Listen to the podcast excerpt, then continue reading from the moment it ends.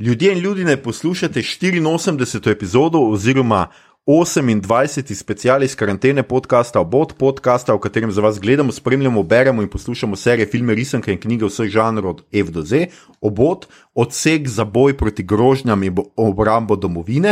Uh, smo tako kot vedno, Mito Gigič, Servus. Igor Harp. Jo, jo, jo. In moja malenkost Aljoša Harlamo, tokrat znova brez gosta, nič manj gosto besedno. Za današnji kronim oziroma razvezavo kronima se zahvaljujemo eh, Mihetu z uh, Twitterja, ki nam je končno razkril, to je namreč uradni prevod uh, Shield, skratka kratice Shield v Marvelovih filmih. Skratka, odsek za boj proti grožnjam in obrambo domovine. Jaz mislim, da imamo mi dosti boljše eh, razvezave, tle kupenih črk, ki jih sploh niso upoštevali ampak uh, uh, pustimo, uh, pust, pustimo tole. Skratka, še enkrat hvala, Miha, končno smo razkrili to veliko skrivnost. Štirne, v 84. epizodi, ki je torej že uh, 28. special iz karantene, namenjeni so uh, ti speciali našemu duševnemu zdravju, z njim pa želimo olajšati karanteno tudi vsem vam, ki ste tedni doma. Upamo, da to obdobje preživljate brez prevelikih pritiskov, finančnih in drugih, med svojci zdravi, ljubljeni na varnem in vsekakor tole snemamo za vse tiste, ki si izolacije ne morete privoščiti, oziroma vam je kapitalizem ne privošči, pa tudi za vse pogumne in preobremenjene, premalo cenjene ljudi tam zunaj, ki se izpostavljate, da bi pomagali najšipkejšim bolnim, pa seveda, da bi omogočili izolacijo vsem nam, ki imamo ta privilegij. Hvala vam, tega ne bomo in ne smemo pozabiti. Uh, v današnji epizodi bomo govorili o seriji, miniseriji, kakorkoli WandaVision oziroma WandaVizija, ki je bila predvajana na Disney Plus od 15. januarja do 5. marca 2021 in v svoji prvi ali edini uh, epizod, sezoni šteje točno 9 epizod. Uh, če serije še niste gledali, pa jo nameravate, potem za vas velja standardno pozorilo, epizoda bo vsebovala kvarnike. Če bi serijo prej pogledali brez kvarnikov, storite to in se k poslušanju naše epizode vrnite pozneje. Mi vas bomo počakali, če pa ste serijo že pogledali ali pa je niti ne nameravate gledati, bi pa se kakšno uro kratkočasili, pa se nam le pridružite. Maestro, zaigraj eno komično.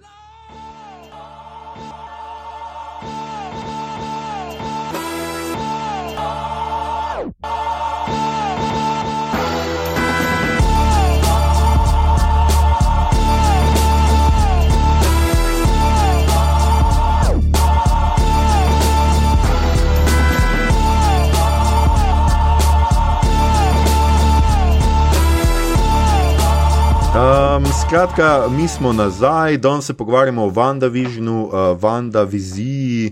Uh, to je prva serija iz uh, četrte faze uh, MCU-ja, oziroma sploh prva, prva stvar iz četrte faze MCU-ja.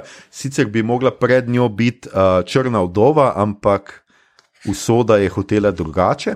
Um, ustvarjalka in glavna piska serije je Jack Schaefer ki je sicer tudi uh, soscenaristka Stotnice Marvel in Črne vdove, preomenjene, režiral pa je serijo v celoti Matt Shackman, uh, ki je do zdaj režiral epizode serije It's Always Sunny in Philadelphia, Fargo in Game of Thrones. Tako da imamo en, ene take kar zanimive reference. Uh, zdaj, v glavnih vlogah, uh, jaz mislim, da sicer malo najbrž že poznate. Ne? Če veste, če spremljate MCU, veste, da sta Elizabeth Olsen in uh, Paul Bettany. Uh, in Elizabeth Olsen najbrž poznate tudi iz kakšnega drugega filma, uh, Old Boy, recimo, um, pa kaj še takega, Wind River uh, in tako naprej. Drugače je pa Vando Maximov, Vando Maximov upodobila že v uh, štirih uh, filmih predtem. Najprej v Avengersih Age of Ultron 2015, na zadnje smo jo pa videli, seveda v Avengersih Endgame, maščevalci Fertig. Um, skratka, zdaj le je pa tukaj. Paul Bettany, se ne vem, Bettany, Bettany mhm. je pa bil prej najbolj znan kot Jarvis. Skratka, posojajo najprej glas uh, uh, temu AI-ju, ki ga ima um, Iron Man, kasneje je seveda iz tega nastal uh, Vision in tudi on je igral, mislim, da potem v točno tudi štirih filmih, tako kot uh, skratka Scarlet Witch. Istih štirih. Kako? Istih štirih. Ja, v istih štirih, kot star. Tako je. Drugače pa ga poznamo še iz uh, Da Vinčijeve šifre, drugače, kje še recimo tako. Gospodar in morje, ali kaj že ono. Aha, ja, ja, Ja. ja. gospodar The in, Priest. In morje. Ja. Kje? Kaj je The Priest? The A ja, Priest, The en Priest, ja. sci-fi, postapokaliptičen, zelo slab. Ja, na Netflixu je. Ampak, Aha. ja, kar impresiv je bil on noter kot The Priest. Aha, no, sicer pa je. Um, Če, če smem še en Ja, ja, fan trivia. Uh, Bethany je bil Jarvis uh, in je posojal glas, potem ko je on postal Vision in Jarvis ni bil več glas, je pa vlogo glasu, zdaj sem pozabil, kako se le, reče liku, prevzela uh, Bethanyjeva žena Jennifer Connolly, Ah, kar se mi zdi kar cute. cool. Take eh, nepotistične naveze v Marvelovem gromozanskem vesolju. Um, Ja. Sicer pa je tudi um, leta 2014 uh, debitiral kot režiser, posnel je Shelter z Antonijem Mackijem, ki ga poznamo iz kakšne druge MCU vloge. Um, kaj bi še omenili, mogoče še meni med bolj zanimivimi, seveda, um, Catherine Hahn, ki igra Agato, o kateri bomo najbrž kaj rekli. Um, je pa mogoče, kaj pa jaz vem, najbolj znana sicer uh, ko v um, Crossing Jordan, eni uh, seriji, ki je bila, mislim, da kar tudi pri nas, mogoče popularna, sem ne vem pod točno katerim naslovom je. Šla drugače, igrala v Anchormanu in, in, in, in tako naprej. Um, skratka, tudi uh, v Revolutionary Road je igrala, pa v Captain Fantastic in, in, in tako naprej. Uh, um, in pa mogoče še omenimo Tejona Paris, ki igra Moniko Rambo, ki pa um, je igrala v Širak, uh, skratka tem uh, satiri uh, Spajka Lija, pa v Mad Menih je bila pač zelo, um, seveda je prepoznavna najbolje, vse meni po. Po uh, medmenih, ostale bomo pa najbrž še tudi koga omenili, med njimi seveda moramo Ivan, Evana Petersa, um, ki je Ivan Thomas Peters, ki igra tukaj njenega fake brata, oziroma um, pač brata Pietra, in je uh, seveda najbolj znan po tem, da je igral. Um, uh, skratka, točno.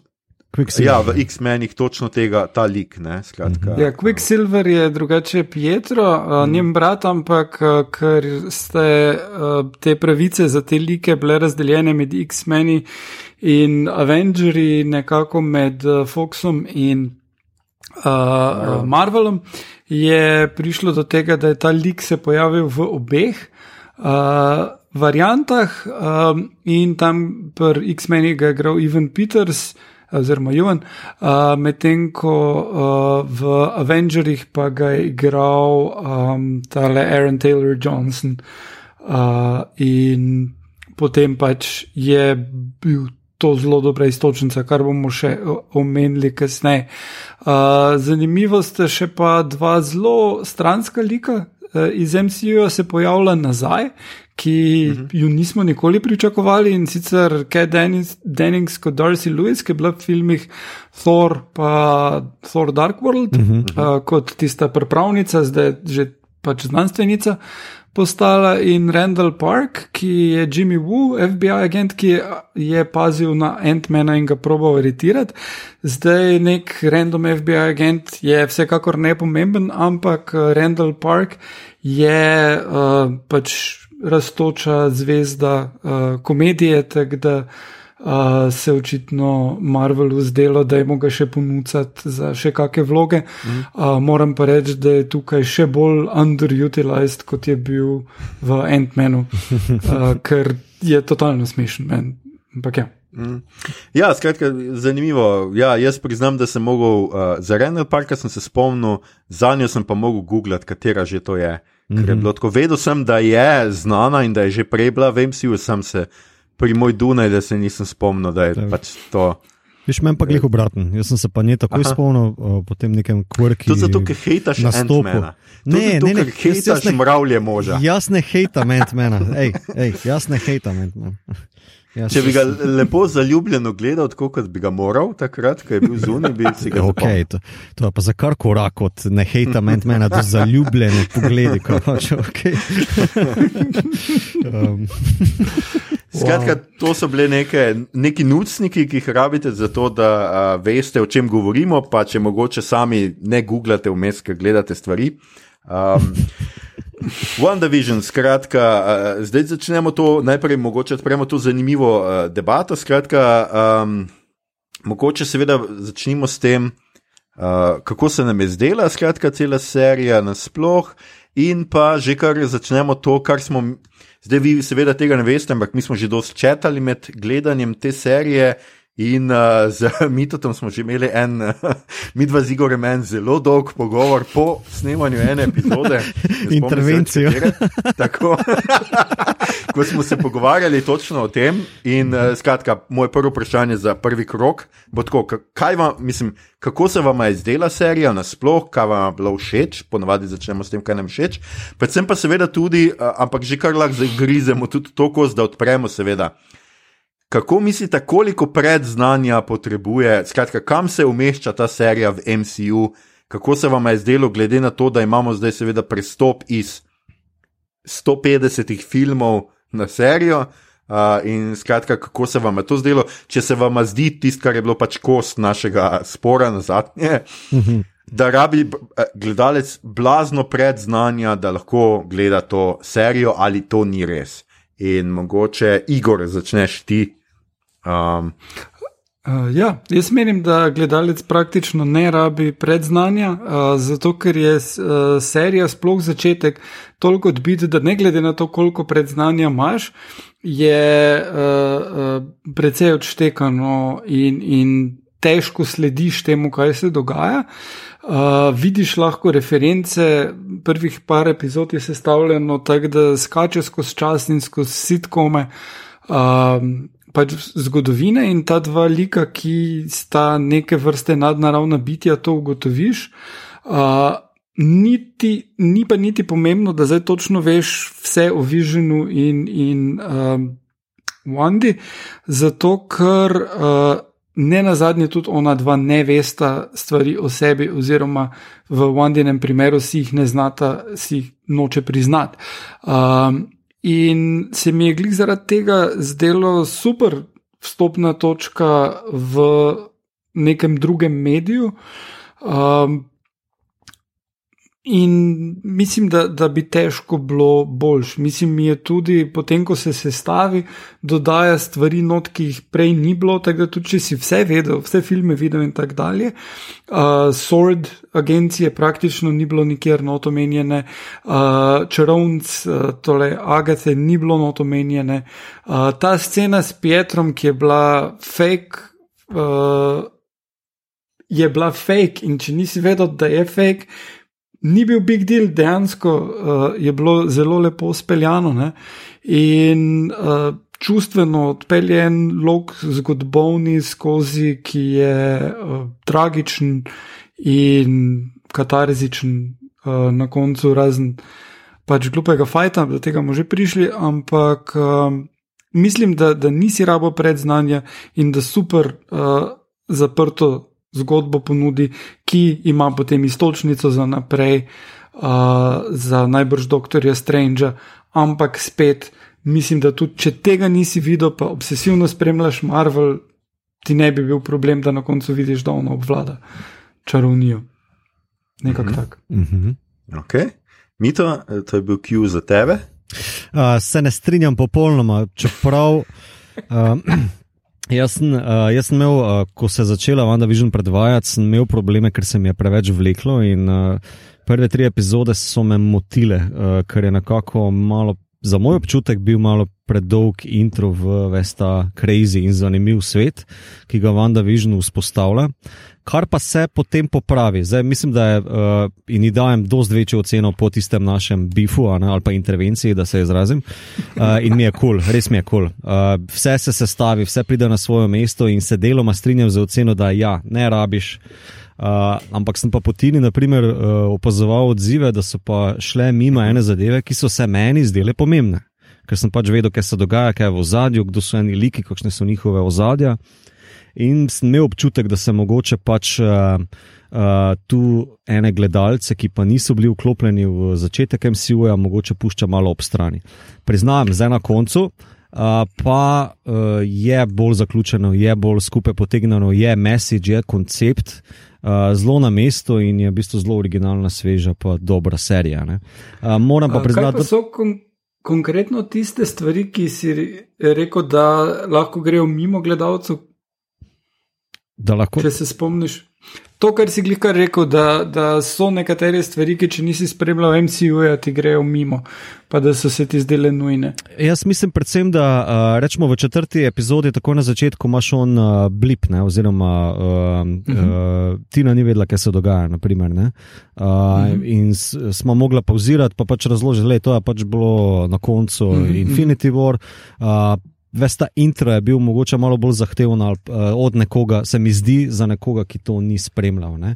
Potem tudi ta mm. switcheroo z uh, uh, igralcem je uh, neki, je meta joke, ki ga moraš razlagati z Foxom, pa z uh, MCU-jem, uh, ki je na dveh bregovih nastajal pa glede te agencije, pa uh, torej sort, uh, ki tudi jaz nisem pojma o tem, ampak pač, uh, ker se oni vklapljajo v neke druge zadeve, noter, to sem mogel sam tudi brskati, ne, zato da se mi, meni se je zdelo, da je pomembno, pa ni, priznam. Uh, bolj mi je bilo potem tale uh, Rimbojeva, pa njena mati, pa Carol Danvers, uh, pa na koncu mm -hmm. kri, ne, ne kri, so, ja, kri so, ne.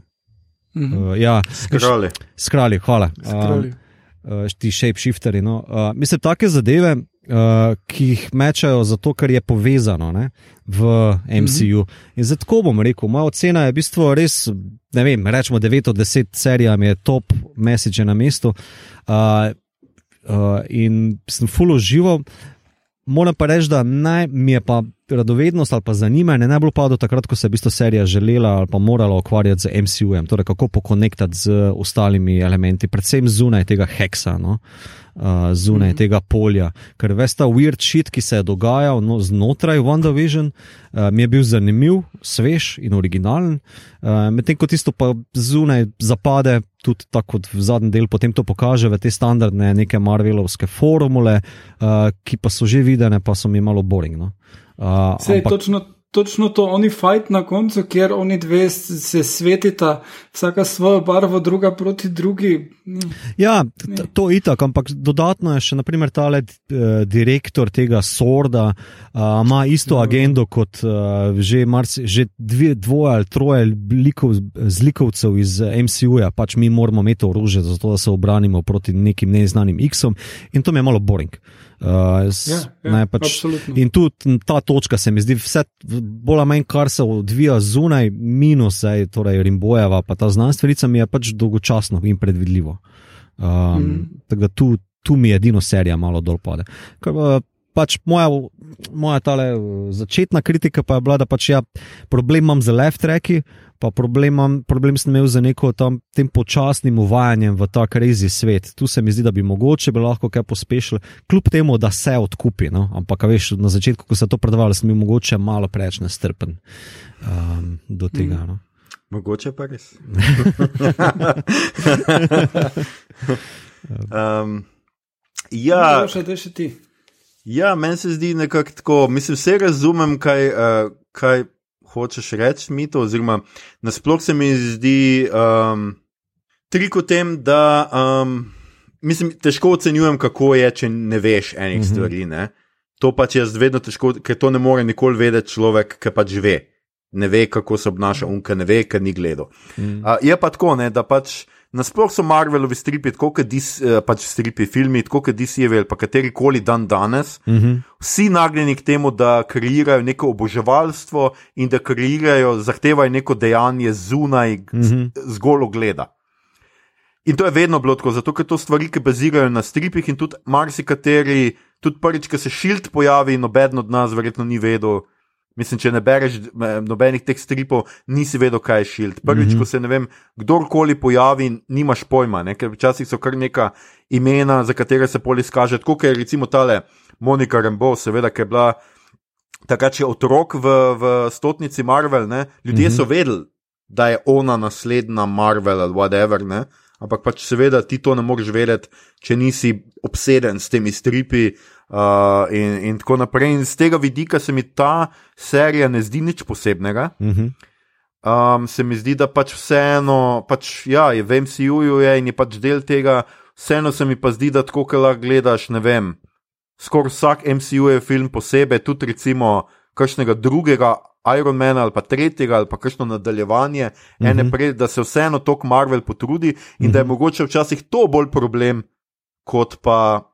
Mm, Kot pa to uh, vesolje, ki ga ustvarja. Zaradi tega, ker mora vsak del delovati tudi kot celota, in Mhm. včasih, seveda, se to dvoje nekako ne izide, se mi zdi. No? Pač to, da moraš ti imeti celoto, hkrati pa to more generirati tri naslednje filme, je vedno malo tako. No? Ja, ja. uh, Ja. uh, problem.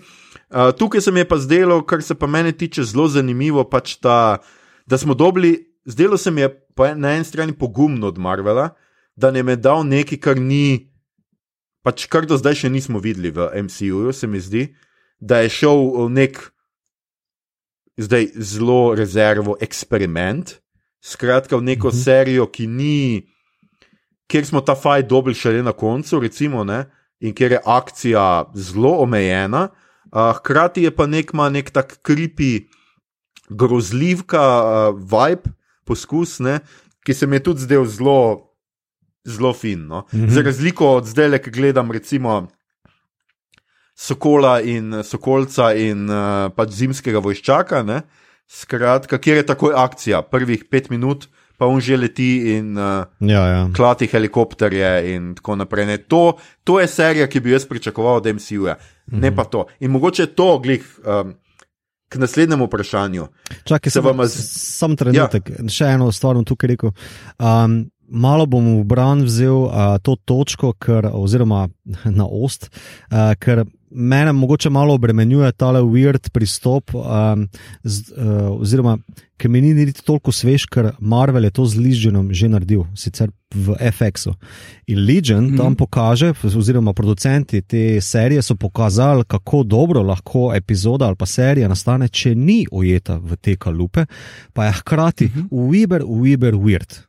In oreg eksperimentalna. Ne? In se mi zdi, da Ja, Um, veš, tukaj, tu, dobro, zdaj, tu- tu sem obremenjen z tem znanjem, ki sem gledal, pa mi je Legion všeč, pa tu sem zdaj tudi pričakoval nekaj podobno, virt, pa mogoče je ravno toliko razvodenelo, da je bolj popkulturno primerno. Ne?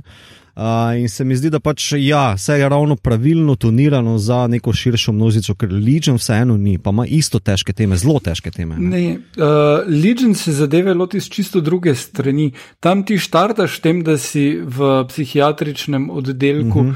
in greš od tam ven. Uh -huh. Torej, vzameš v začetku v zakup, da tu so vsi uh -huh. zmešani uh -huh. in mogoče. Kot ugotoviš, malo ne, ne obstajajo, uh -huh. niti nujno, uh -huh. uh, fizični obliki. Tukaj pa ti štartaš z nečim, kar je ono sitkom, generičen, oziroma omaž vsem sitkomom, uh -huh, in sploh uh, uh, je, je na drugi strani, ampak je hkrati ta le creepy vibe. Um, bi rekel, da so se tukaj bolj zgledovali, mogoče po linču, ker imaš ti tele picture perfect stvari, potem pa en ta zelo creepy nasmeh Aha. zadaj. In so ljudje ujeti v suburbijo, kjer ne morejo ven. In, uh, Tako dalje. Ne? Seveda, tu ni subtilnosti na ravni Ja, ja. linča, niti približno. Samo hočem reči, da so se uh, zagotovo tudi zgledovali po njem. Mm. Uh, Medtem ko ono pa štarta na, na full on crazy, na psihadelijo mm. in, in, in ne vem, terije. Ja, ja, se čist strinjam. Oziroma, le bom tako zaključil. No. Mislim vseeno, da so res nadgradili, pa dobro vklopili kao ta čudnost, ne, v, pa ta konceptualni high concept pristop v MCU, eh, da je svež ravno zaradi tega, ker je MCU zna biti tako že uh, klišejski, ki sam sebe že generira. Ne. Um, in Legion to ne bi zmogel. Uh, bom pa vseeno tako rekel, uh, če vam je takšen pristop všeč, kot ste ga videli pri Wonder Vision, uh -huh. pejte še na kvadrat, pogledati potem, kaj, kaj se zgodi v Legionu. Ne samo prva, ampak tudi fucking druga sezona, pa tretjo, ki jo zdaj eh, sporadično gledam, ker to gre v stratosfere čudnosti. Ne? Um, Ja, ja, a- absolutno priporočam Legion. Mm, mm. Uh, ful, ful huda serija in Sem- ful bolj kompleksno Ja, ja, ja. Uh, kot tole, ampak mm. uh, full mind pop, kulturno Ja, friendly, rečemo temu. No, jaz sem hotel sem reči, mislim, nisem gledal še Legiona, to še me čaka, ampak hotel sem, sem pač reči, da seveda Legion ni MCU, ne? mislim, Legion je Marvel, ni pa MCU. Ja, Ne, ne saj, spada okej. v, v, v to vesolje, tako da. Zdaj, jaz, Pač- jaz bi ga pričakoval, mogoče tako kot so zdaj Pietro ta noter vrgli, ker vsi ti X-meni bi mogli počasi not priti, ker Legion je sin do profesora X-a in tako naprej. Pač vseeno je Mar Marvel, je, ja, ni MCU. Ja, mislim, sej, m, glede na to, da Marvel zdaj gradi svoj multivers, je čist pač mm, možno mm. torej reči, Ja, da to je zelo verjetno. Tudi vse govorice zdaj pač govorijo, da bo v Spider-Manu, tem novem, pač kup nekih ljudi od uh, Daredevila naprej. Ne? Tako da bomo videli, kaj to pomeni. Ja, sem pa hotel prej pač reči, ravno to me zanima. ne, zdajle, Um, A lahko zdaj na tej točki mi mogoče pričakujemo, glede na to, kar smo zdaj videli v WandaVisionu, pa glede na to, da recimo Chloe žal uh, snema, ja, mislim, je naredila, ne snema več, ker je stvar že zdavne mm -hmm. narejena, Eternal se. A lahko pričakujemo, da, četr, da bo četrta faza MCU-ja skušala narediti nekaj novega? Ali je to preveč pričakovati? Ker zdaj, točno to, kar si mi to ti rekel, ne? zdaj smo bili na stopni, ko, ko je Marvel je naredil eno izjemno zgodbo, ampak mm -hmm. hkrati vsi imamo nek občutek, vsaj jaz sem imel, ko sem gledal um, Endgame, občutek nekega zaključka. Mm -hmm. In neko pač vprašanje se mi je porajalo, kam zdaj, ali res lahko zdaj oni ponovijo isto stvar, ne vem, z naslednjimi 20 filmi in en nov lok, kjer bojo na koncu Avengersi premagali Mefista ali kogarkoli pač bojo zdaj imeli v, v tej fazi, ali lahko pričakujemo vendarle nek bolj weird shit, neke drugačne zgodbe, uh, kar bi WandaVision je, ni pa recimo, če sta gledala, seveda, Falcona, ta serija pa že kaže, da ni, ne? tako da zdaj jaz ne vem. Ampak se pravi, Eternalsi so, vsi pravijo, da ne bi bil tu, seveda, tudi bo Doctor Strange nove, ki je do zdaj bil do zdaj vseeno najbolj drugačen Marvelovski film. No, ja, Se to, mi zdi, no. to Ragnarok je bil meni zelo drugačen tudi deloma. Ja, ampak mogoče bolj tle posebini, kaj pa vem. Aha, ja, po ok. Ja. Estetiki, mm. niti ne toliko po zgodbi. Recimo, Štekam, ne. štekam. Ja. Um, a se vam zdi, da, da lahko pričakujemo nekaj drugega, svežega, da bo Marvel zdaj, ne vem, je pogledal Snyderja, pa si rekel, To bo, ja. to bo, to bo, ja. to bo ja. Ke, Uh, Kevin ne, Feige je bom- zika rekel, si snel ono kapo dol, pa je rekel, fuck, zakaj se jaz tega nisem spomnil?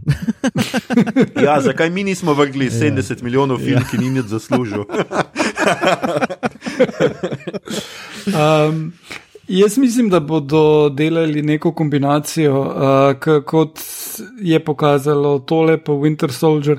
Um, mislim, je Falcon in Winter Soldier, tisto je generično, tisto je točno to, kar pričakuješ od Marvela. Uh -huh. In oni bodo še naredili stvari, ki jih pri, se pričakuje tudi uh, Spider-Man, ta zadnji, ki zdaj ne vem, če je. Phase 3 ali Phase 4 že začel, je bil zelo standarden. Uh, Black Widow tudi ne pričakujem, da bo zdaj nek uh, prisežek v psihadelijo ali pa karkoli takega. Kaj veš, Rusi so not. Ej, vse dober spy movie, ne bo pa, mislim, čisto. Ja.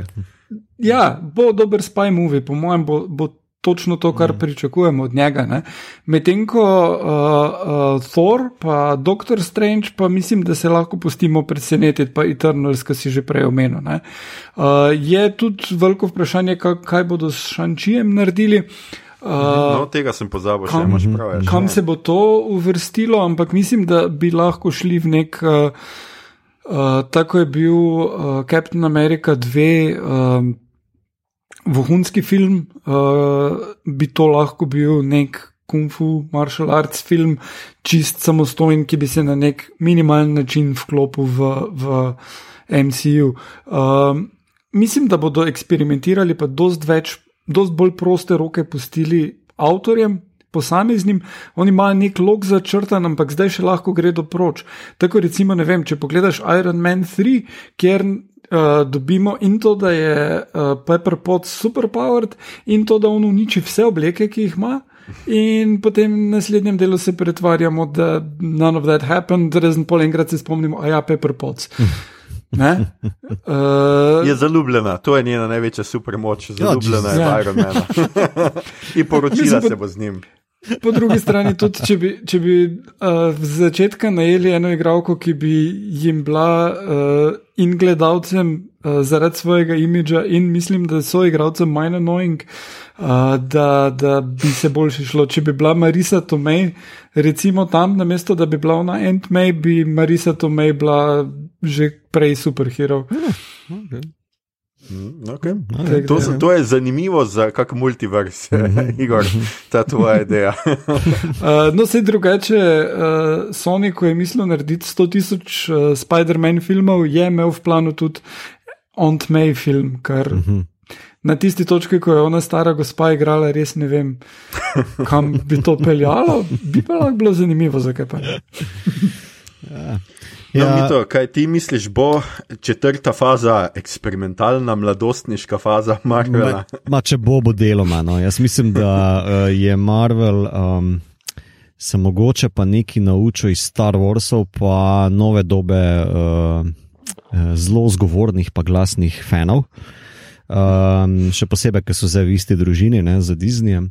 Uh, kar me rahlo skrbi, pa bi bil zelo vesel, če bi še res šli eksperimentalno malo probat, pa upam, da Eternus je res bojo, ker uh, to je Chloe Zhao, je meni izjemna, to potem, kar sem videl do zdaj v Nomadlandu. Ampak mislim pa, da ne, ker pač cash je cash in pač stavi na konja, dokler ti fura jajca ali kako ne, ne vem, z mečem, še ne vem kakšne. kakšne pregovore. Ja, ne vem. Vidi se, da si vegan, mi to. Ja. ne, veš kaj mislim, da pač, konje jajce. Um, uh, pač ne spreminjati pre, preveč formule, k, uh, se ti lahko hitro obrne. No. Mislim, da v Star Warsih Ryan Johnson, kaj jim je naredil, pa jaz mislim, da je uspešno naredil, ampak fani se niso pozitivno odzvali. Za Marvel si mogoče lahko prvošči, kakšen, rečemo temu, vris, bunny rabbits, uh, air quotes, uh, spodrsljaj.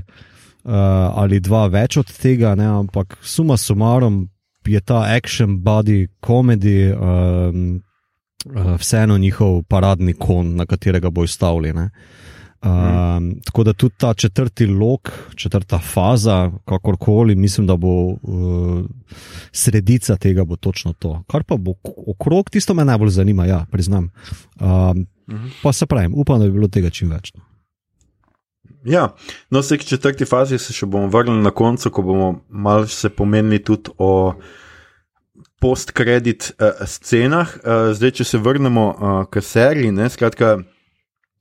Gre torej za zgodbo o Vandi, ki skuša preboleti smrt Vižena, oziroma ne more preboleti Vižena, zato ga obudi in ugrabi celo mesto, v resnici za, za to, v to svojo neko iluzijo popolnosti. Vanda, mm. ki je tudi kot otrok gledala, rada gledala sitkome ne? in pač uh, se uživi uh, v, v, v en tak sitkom. Uh, in pač tisto, kar je bilo meni tukaj. Najboljše je v resnici to, da eh, tudi če nisi nek blazen fan sitkomu, pa ne prepoznaš recimo vseh teh referenc. Ne? Jaz sem jih izpisal uh, uh, za ta namen, ker uh, jih je bilo res. Se pravi, prva epizoda je I Love Lucy, pa Dick Van Dyke Show. Jaz sem gledal recimo I Love Lucy, zato vem. Druga je bila I Dream of Genie, uh mhm. -huh. to sem tudi gledal. The Brady Bunchov, ki so tretja sezona, nisem nikoli gledal uh, peta, Family Ties, Growing Pains, to tudi nikoli nisem gledal. Gilmore Girls sem gledal za šesto, Mal Malcolm in Middle tudi, uh mhm. -huh. in pa sedma sta že novejši, skratka, Modern Family in The Office. Gremo skozi vso neko to zgodovino. Uh, zgodovino um, sitkoma, kar se mi je zdelo zelo zanimivo in zelo posrečeno, je namreč tudi to, da ta zgodovina sitkoma tudi kaže uh, en uh, počasno napredovanje iz zgodb o familiji. Uh mhm. -huh ker prvi sitkomi si timo več čas. Familije, to so bile Brady Bunch, eh, tako kot sem rekel, ali pa pari. No? Uh mhm. -huh. Greš vedno bolj, se mi zdi, proti zgodbam, ki so še sicer vedno v familiji, ampak postajajo vedno bolj individualne, karakterne storije, kjer imamo mi vedno več pogovarjanja s kamero, vedno več uh, nekih teh individualnih uh, pogledov na neko, in se tudi norca delajo v resnici, ali pa humor jemljajo z tega individualnega pogleda, kako en lik gleda na skupno situacijo in kako drug tudi tega subjektivnega pogleda na to snisko, uh -huh, uh -huh. za božjo voljo. Um, to se mi zdi tudi zelo zanimivo, ker se mi zdi, da vedno bolj gre, seveda, tudi potem, ko se recimo Vision, seveda, vedno bolj zaveda, da je nekaj narobe, da, da nekaj ni prav, da Vanda tukaj ne počne nekaj v redu, uh, in se tudi vedno bolj oddaljujeta, vedno več je scen, kjer niste skupaj. Uh, hkrati pač vedno bolj vidimo to osamljenost, mislim, da Vande. In se mi zdi, da so tudi to nekako fino ujeli v samo zgodovino sitkoma. No? Uh -huh. In to se mi je zdelo uh, res fantastično. Jaz, dobro, jaz zdaj, ki sem gledal tale video, ki smo ga že delili z vami, pa ga bomo še pripeli v zapiske, jaz pol teh stvari, kje bom jaz to opazil, pa se spomnil, kako so celo kadrirali čist iste kadre. Kot mhm. te posamezne, uh -huh. uh, posamezne uh, pač serije, tega jaz, pač tega jaz ne znam opaziti. In blazno cenim to in blazno se mi zdi zanimivo, ampak veš, za končnega gledalca jaz mislim, da to, če ni nek filmski, televizijski kritik, tega nikoli ne bo opazil. No? Um, uh, ne, se to ni, uh, ni mišljeno to kot uh, uh, referenca, uh, kot easter egg, ampak je mišljeno uh, v tem, da ja. ti vzbudi isti občutek, kot ti ga je, če si gledal tisto, oziroma ni nujno, da si sam gledal tisto, ampak kot ti ga je takrat kar so takrat avtori želeli z določenimi kadri povedati. In to mislim, da. Uh, Če se navežem na to, kaj si rekel, tole zgodovino in razvoj, je dosto očitno pri um, I Love Lucy ali pa I Dream of Genie najboljše, kjer imaš še, še cele te hijinks in, in uh, ona dva skrivata stvari in to ful uh, dobro mm. zraven pride. Um, do tega, da, da imaš pri uh, peti epizodi, ki je Family Ties, to zelo uh, tesno povezano družinsko enoto, ki uh, skrbi drug za drugega in si pomaga, ker tam imaš tudi tisto sceno z uh, kaj kuža, ko jim umre mm. in uh, kako to preboleti skozi tiste. Uh, stari sitkomi niso imeli tega, da so liki umrli, enostavno so bili. Če je igralec umrl, so ga zamenjali, pa se pretvarjali, da je nekdo drug. Ne?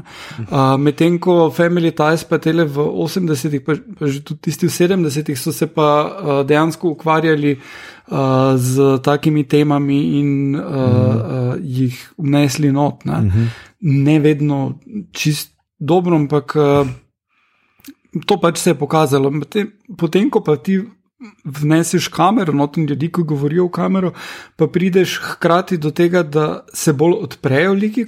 Uh, gledalcev, kot so se prej, pa hkrati tudi do enega takega uh, skoraj malo ciničnega humorja, uh, pač ironije, mm. uh, in uh, uh, s tem pač malo nepristnosti gre pročne.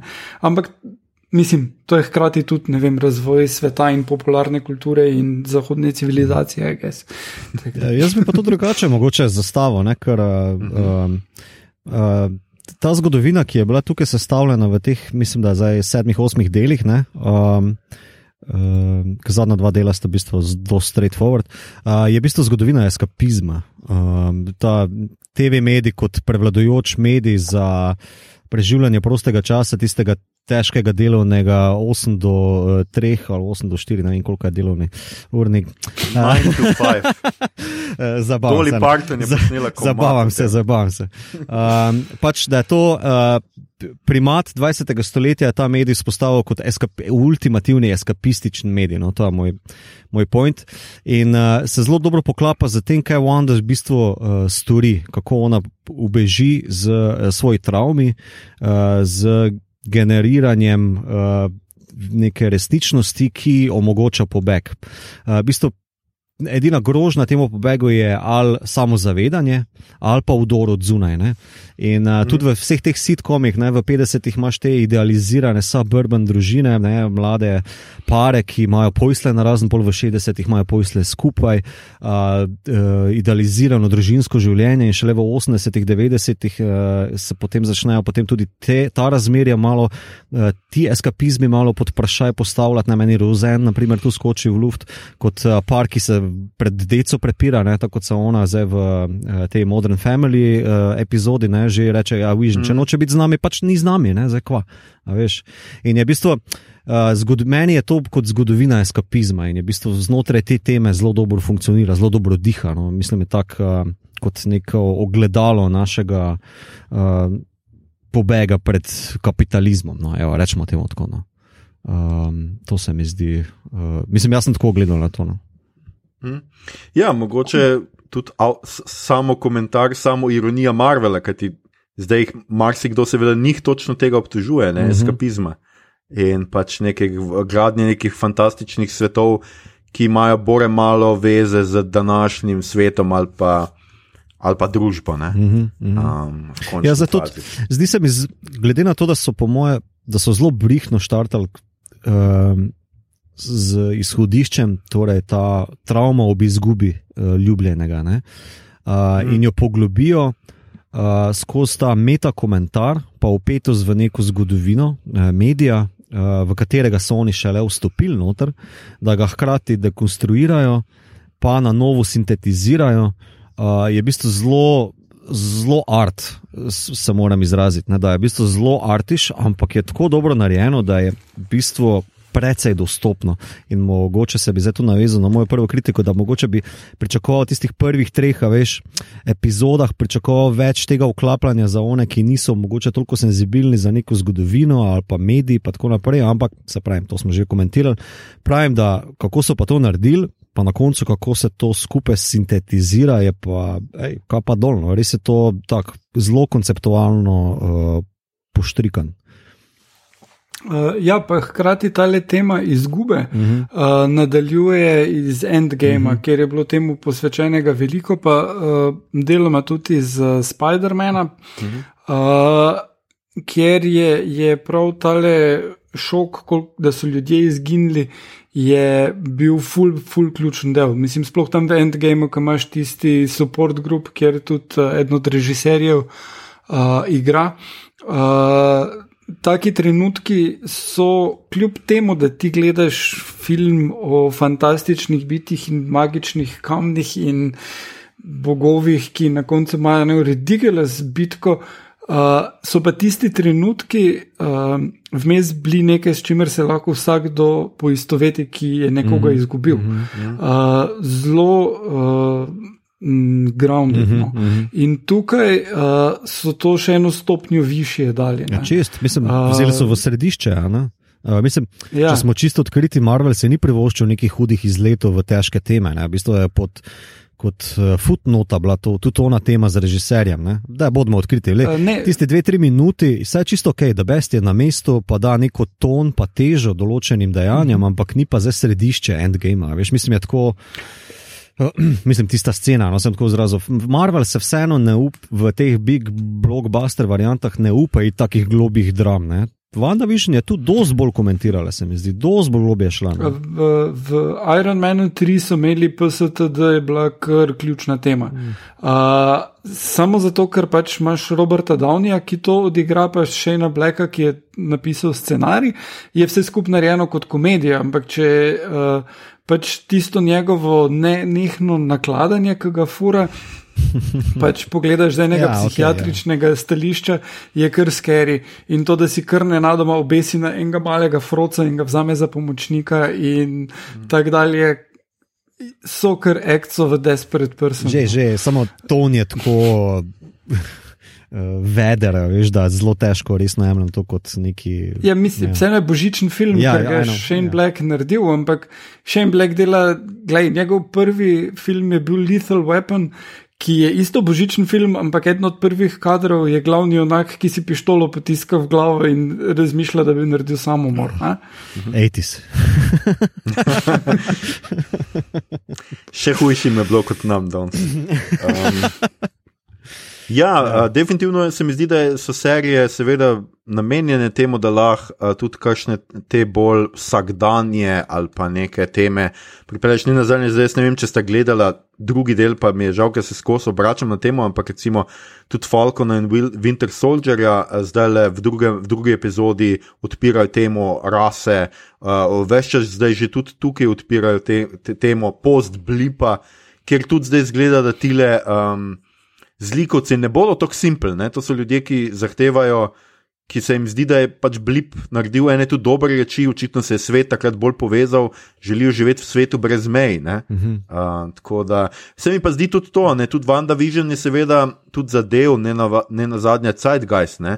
Uh, Izguba je nekaj, kar zdaj v Ameriki veliko razmišljajo o tem, tudi ujetost v vlastnem domu je nekaj, kar vsi razmišljamo, se tudi pri nas o izgubi. Ker preprosto živimo v časih, ko skoraj da več ni. V Ameriki skoraj da ni družine, neke širše, ki ne bi imela kakšne izgube zaradi COVID-a. Uh -huh. In uh, jaz mislim, da je tudi tukaj nekako ujela, se mi zdi ta nek cajt, uh, duh cajta, kjer imamo ja, te kripine smeške, pa pretvarjanje, da smo vsi v redu, pa še vedno se delamo, kot da je družba čisto normalno, deluje dalje, ampak v resnici nič ne deluje, stvari razpadajo. Uh, središče ne drži, ne, če si sposodim uh, znan citat uh, od Jejca, če se ne motim. Ne, uh. mm -hmm. Skratka, ja, pač tukaj in meni je pač, ja, tako kot je Igor že rekel, meni so bili pač najbolj všeč tle. Mm, v resnici pa meni ta počasen build-up, počasna gradnja mi je bila pa meni najbolj všeč, kar mm -hmm. mogoče mi to tebe bolj iritiralo, ker sem takoj pač se mi je zdelo, da je pač. Meni takoj, ko vidim ful srečne ljudi, dobim tak kripi vibe. in tu se mi je res zdelo, pač več časa sem čakal, valjda, da se bo, mislim, vse smo vedeli tudi tudi če ne bi gledal, se mi zdi, da je. In ko je bil tisti prvi, ne vem, un, tip, ki pride ven iz kanalizacije, pa še bolj un radio, ko začnejo, pač vanda, mhm, vanda, mm -hmm. si to ti. Tako, pa če res imaš en tak um, nenavaden občutek, posebej pa se mi zdi, da je ta. Uh, Ravno to sem hotel odpreti tudi, ker je že, mislim, da mi to zdaj malo nakazal. Um, pač ne, da sem se prepiral, ampak ne dolgo tega je pač naš uh, pogost komentator na Facebooku, več teh, recimo, omenil, da je razlika njemu med DC-jem in Marvelom, da je DC mračen. Ja. Za razliko od Marvela, ki je neki happy people, body body, humor in akcija. Kar je sicer, bom rekel, precej res na neki zelo splošni ravni, ampak mene ful moti, ko ljudje mislijo, da je uh, mračno če imaš, če se ti cel film dogaja v temi mm -hmm. ali pa črno-bel, mm -hmm. kot zdaj Snyder je v nova verzija, um, to še ni samo po sebi mračno. Ne, Meni to, da se pobijajo, ja, to je ilustracija. Med, ja, medtem ko imamo tle WandaVision. Ker najbolj enih mračnih stvari niti ona ne nagovori, mm -hmm. to je, mhm. naprimer, da ona za svojo bolečino ugrabi mm -hmm. eno celo fucking mesto in celo mesto vzame jim individualnost, vzame jim agencijo, vzame jim uh, skratka, svojo svobodno voljo in jih naredi kot neke svoje lutke, ki nastopajo v njeni srečni predstavi -huh. o mhm. srečni familiji. To je bil meni najbolj grozljiv moment Vandavižna mhm, -huh. in dejansko en prehod od tega, ker uh, v stripih Scarlet Witch tudi ni stotstotno dobra. Mhm. -huh. In tukaj sem jaz dobo en tak vibe. In tudi nekatere teorije to trdijo, namreč, da bo Scarlet Witch tukaj na poti k ne najbolj pozitivnemu liku več. Aha. In da je to mogoče prva, prvi korak k temu, da WandaVision prestopi v Scarlet Witch itak, ampak da bo ta Scarlet Witch mogoče ne bo pozitiven lik. No? Uh -huh, uh -huh. Um, ker meni je bilo to grozljivo, meni se to, ta občutek ujetosti, da nekdo kontrolira s tabo. Operati možgane, dobesedno, to se mi zdi najbolj grozna stvar v tej seriji. No? Mhm. -huh.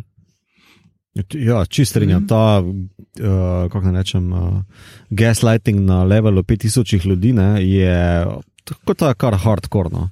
Uh, predvsem, mislim, da je bilo uh, zelo fino narejeno. Torej, vižno se ni, uh, se začne zelo počasi sanjati, kaj se dogaja, pa mu ona celice dopoveduje ne. To je to, vse je mm ok, mi smo srečni, ti si kul, cool, jaz sem kul, cool, mi smo ok. Um, ja, se pa čist strinja, da s tem eh, in ko, ko potem potegne ne, v uh, zadnjo soočenje, predvsem z parimi liki, ki se obudijo iz njene ujetosti, uh, uh, ko jo probajo soočiti, predvsem ona igralka iz Buffy, mi je ven stopila, no, uh, ki je že ki špila Anjo v Buffy.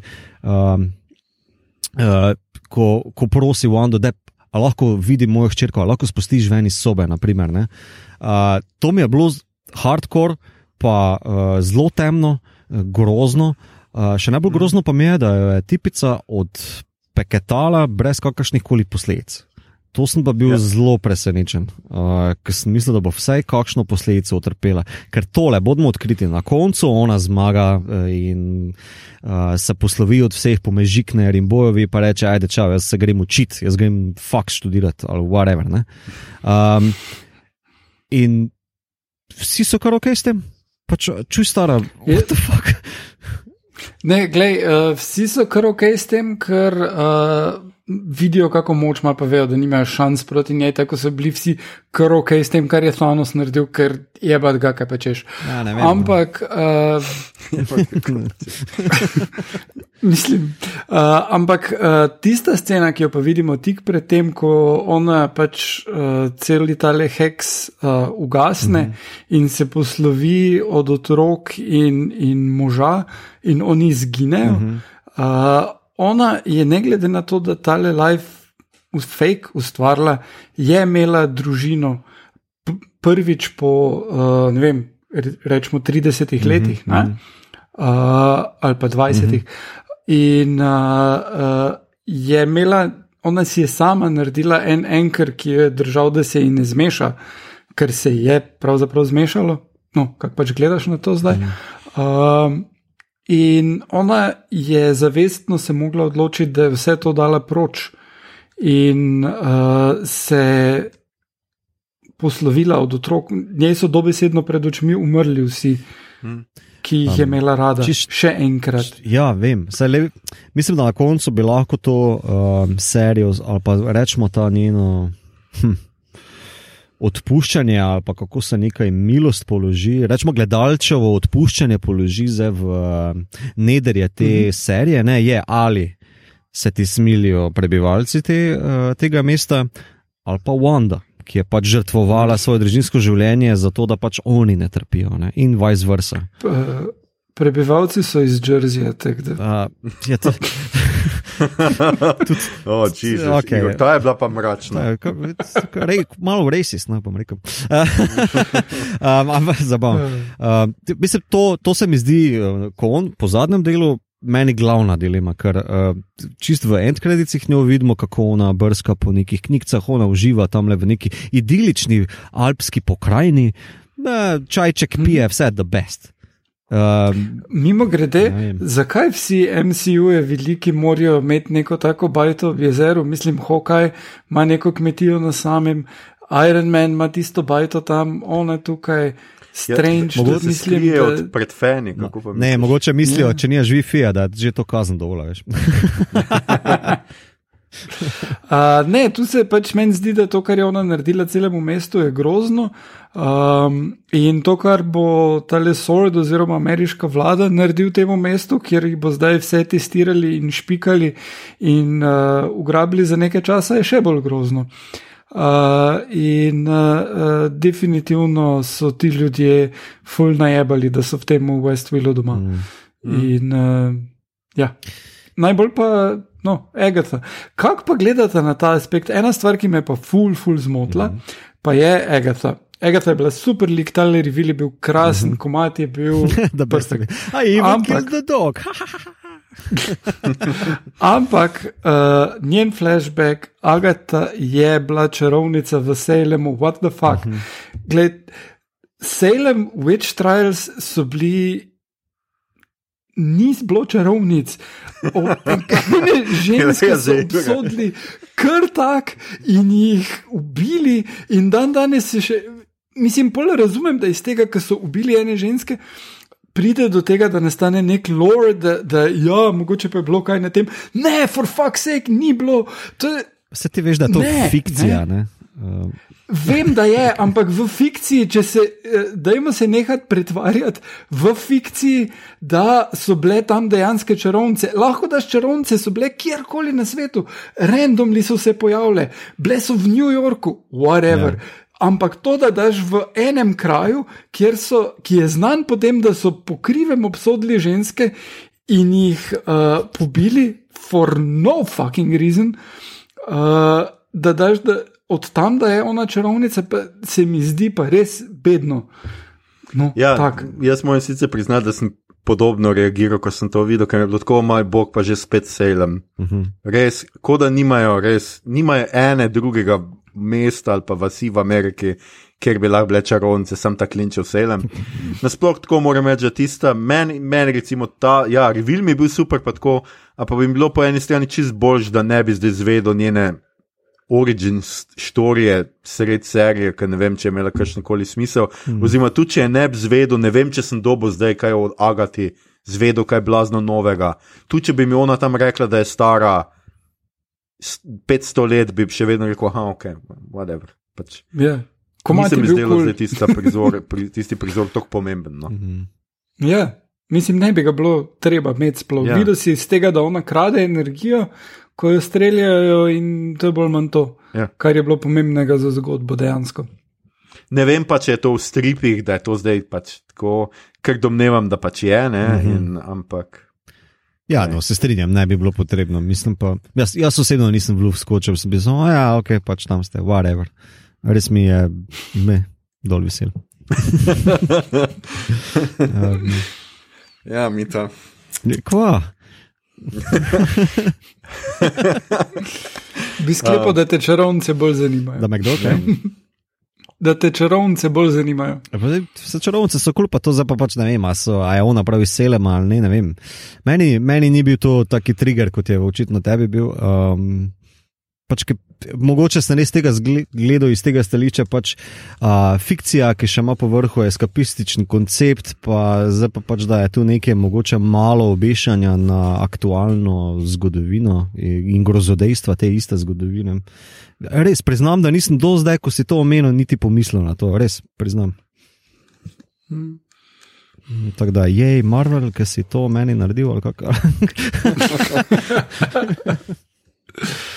Mm. Ja, no, skratka, na koncu je bila Agata, ne, ne pa Mephisto, ne pa, ne vem, bilo je ful nekih teorij, kdo bo pač bad guy v tej uh, seriji in na koncu pač.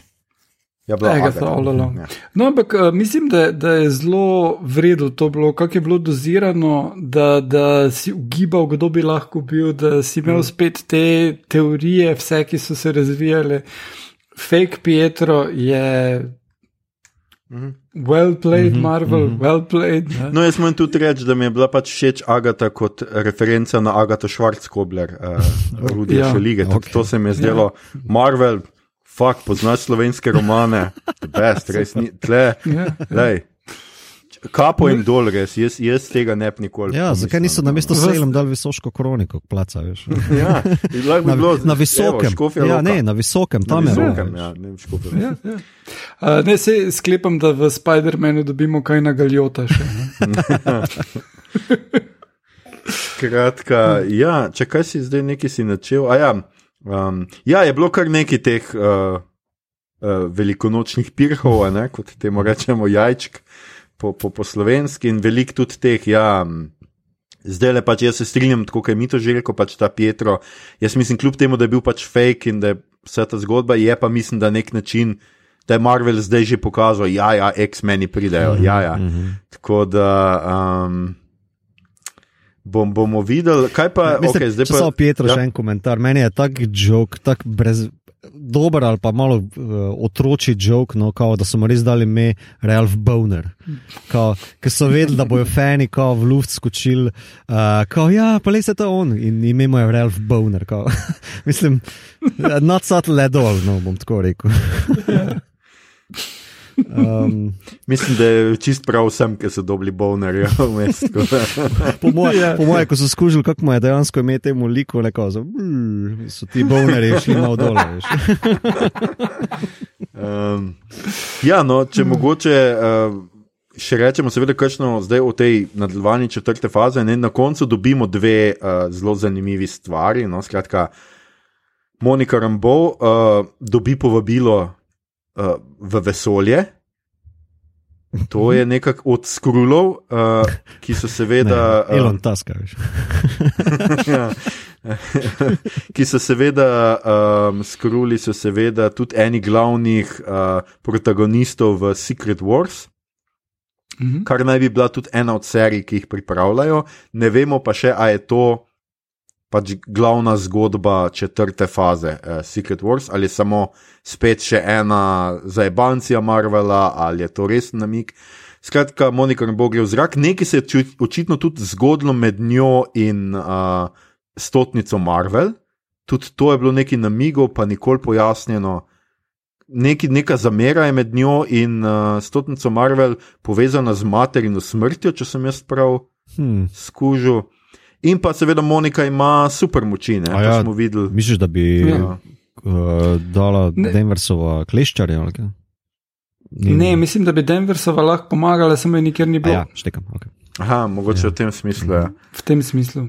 Skratka, Mislim- to na koncu pa seveda imamo to eh, škrlatno čarov, eh, coparnico, Uh, ki je zmožna astralne projekcije.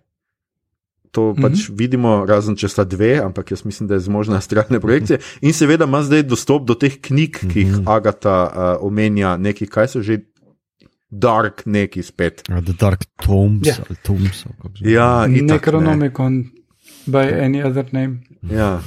Ja. Dark Seedova dnevniki ali ne vem kaj. Tisti Zaprašen ona zdaj to očitno- knjižnici na Ptuju na Potrčevi.